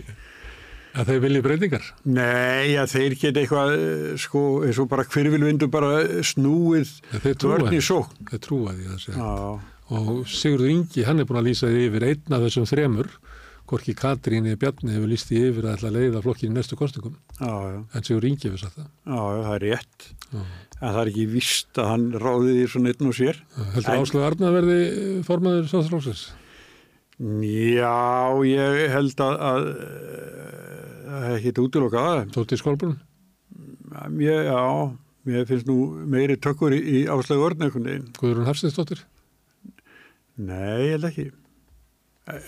Eina þeim þremur heldur, það verði... ég held að sé eftirspurn eftir Guðrúnu Já, já, og ég heyri það ég heyri það bara svona liggur einhvern veginn undir þegar sjálfstafsmennar tala að það er svona leiði ykkar stjórnmálunum eins og við þekkjum hérna. Og það er svona tungutak stjórnmáluna já, og þeim finnst sko að þegar Guðrún Hafstisdóttir sé að tala að hún sé ennþá eins og frangatastjóri kjöris það sé eitthvað í orðfæru hennar sem að þeim finnst hljóma betur að hún sé svona uh, sölum aður í sér. Ná, bara talar svona Já, hún var að selja, selja kjörís. Já, já, svona, svona úr raunveruleikanum einhvern veginn Já, á meðan að stjórnmálinni geta orðið svona ansi miklar glærusýningar og svona. Nei, þetta Já. er bara eitthvað sem ég heyri innan úr já, að því að mér finnst það líka skaman að koma með svona eitthvað sem að, því að þú ert kannski eins og með Áslögu Örnu og Gulla í Reykjavík, þetta eru bara tvær fylkingar. Og flokkur sem ekki vil minka, þú getur náttúrulega aðra fylkingunum vinna hinna, þá kannski fer bara geti hérna, hluti af Gulla fylkinu farið yfir í viðreysn eða eitthvað máttur. Að þegar það er svona ástand er, þá er oft uh, hópurinn velur sko sáttaframbóð sem að gæti náð saman báðum fylkingunum. Það búið að vera svo miklar erjur hann á milli og, og sömuleyti er það arfleð Bjarnar Benediktsson. Hann hefur verið alveg í hatremri baráttu við gulla í það er slegist um bara förðurlustu fyrirbreyði inn í flokknum sko, ekki bara sús og, og, og heimdall, heldur sko verkalýsráðið og vörður og alls konar svona fyrirbreyði sem eru til hann inni.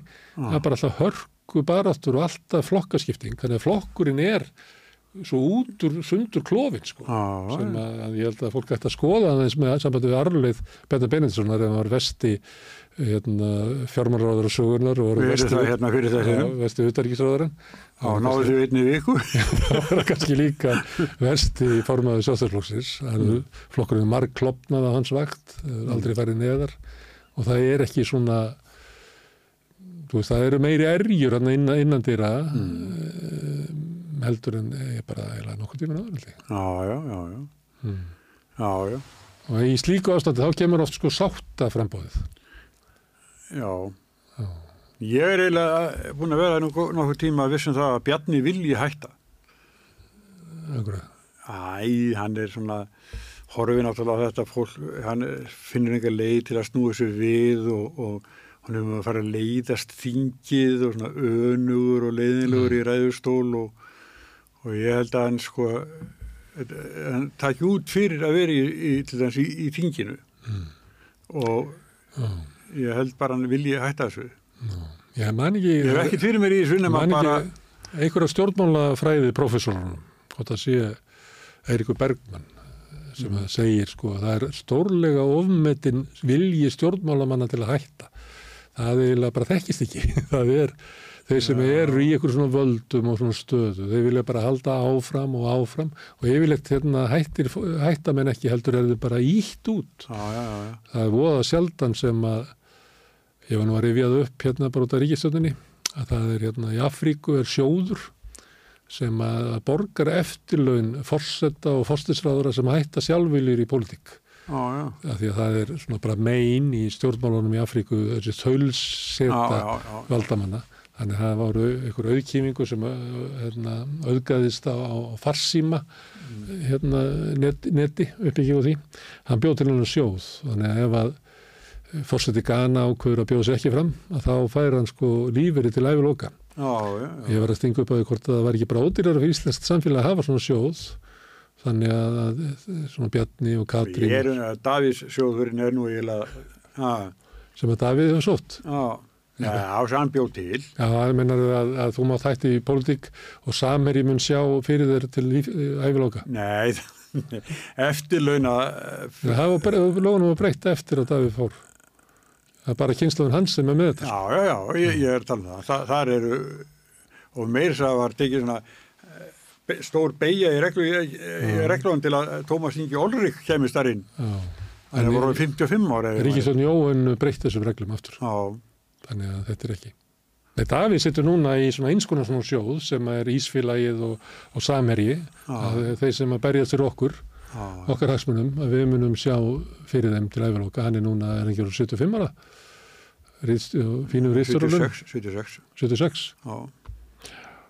En það hefur hérna, engin spurt hann, blaðið með morgunblassins, hafa ekki spurt rýsturun hvort hann ætli farið í fórstæða frambóð. Nei, finnst það merkilegt. Það er búið að spurja Þóru og Já, Höllu já. og það kemur sko fyrir svo Davíð segir nei eða Davíð allar aftur, þetta bara vantar þess að frétt. Og mér finnst að Morkin eða MPL eigi að spyrja rýstjóra sinni þessara fréttar. Já, Finnst það ekki líka? já þeir eru eiginlega búin að spyrja alla aðra sko. Já, Þeir eru búin að spyrja með þess að fólk sko sem að það er orðið svo veikt að er fyrirsælun er að eitthvað sé að íhuga að íhuga að íhuga fórstæðarfóð. já.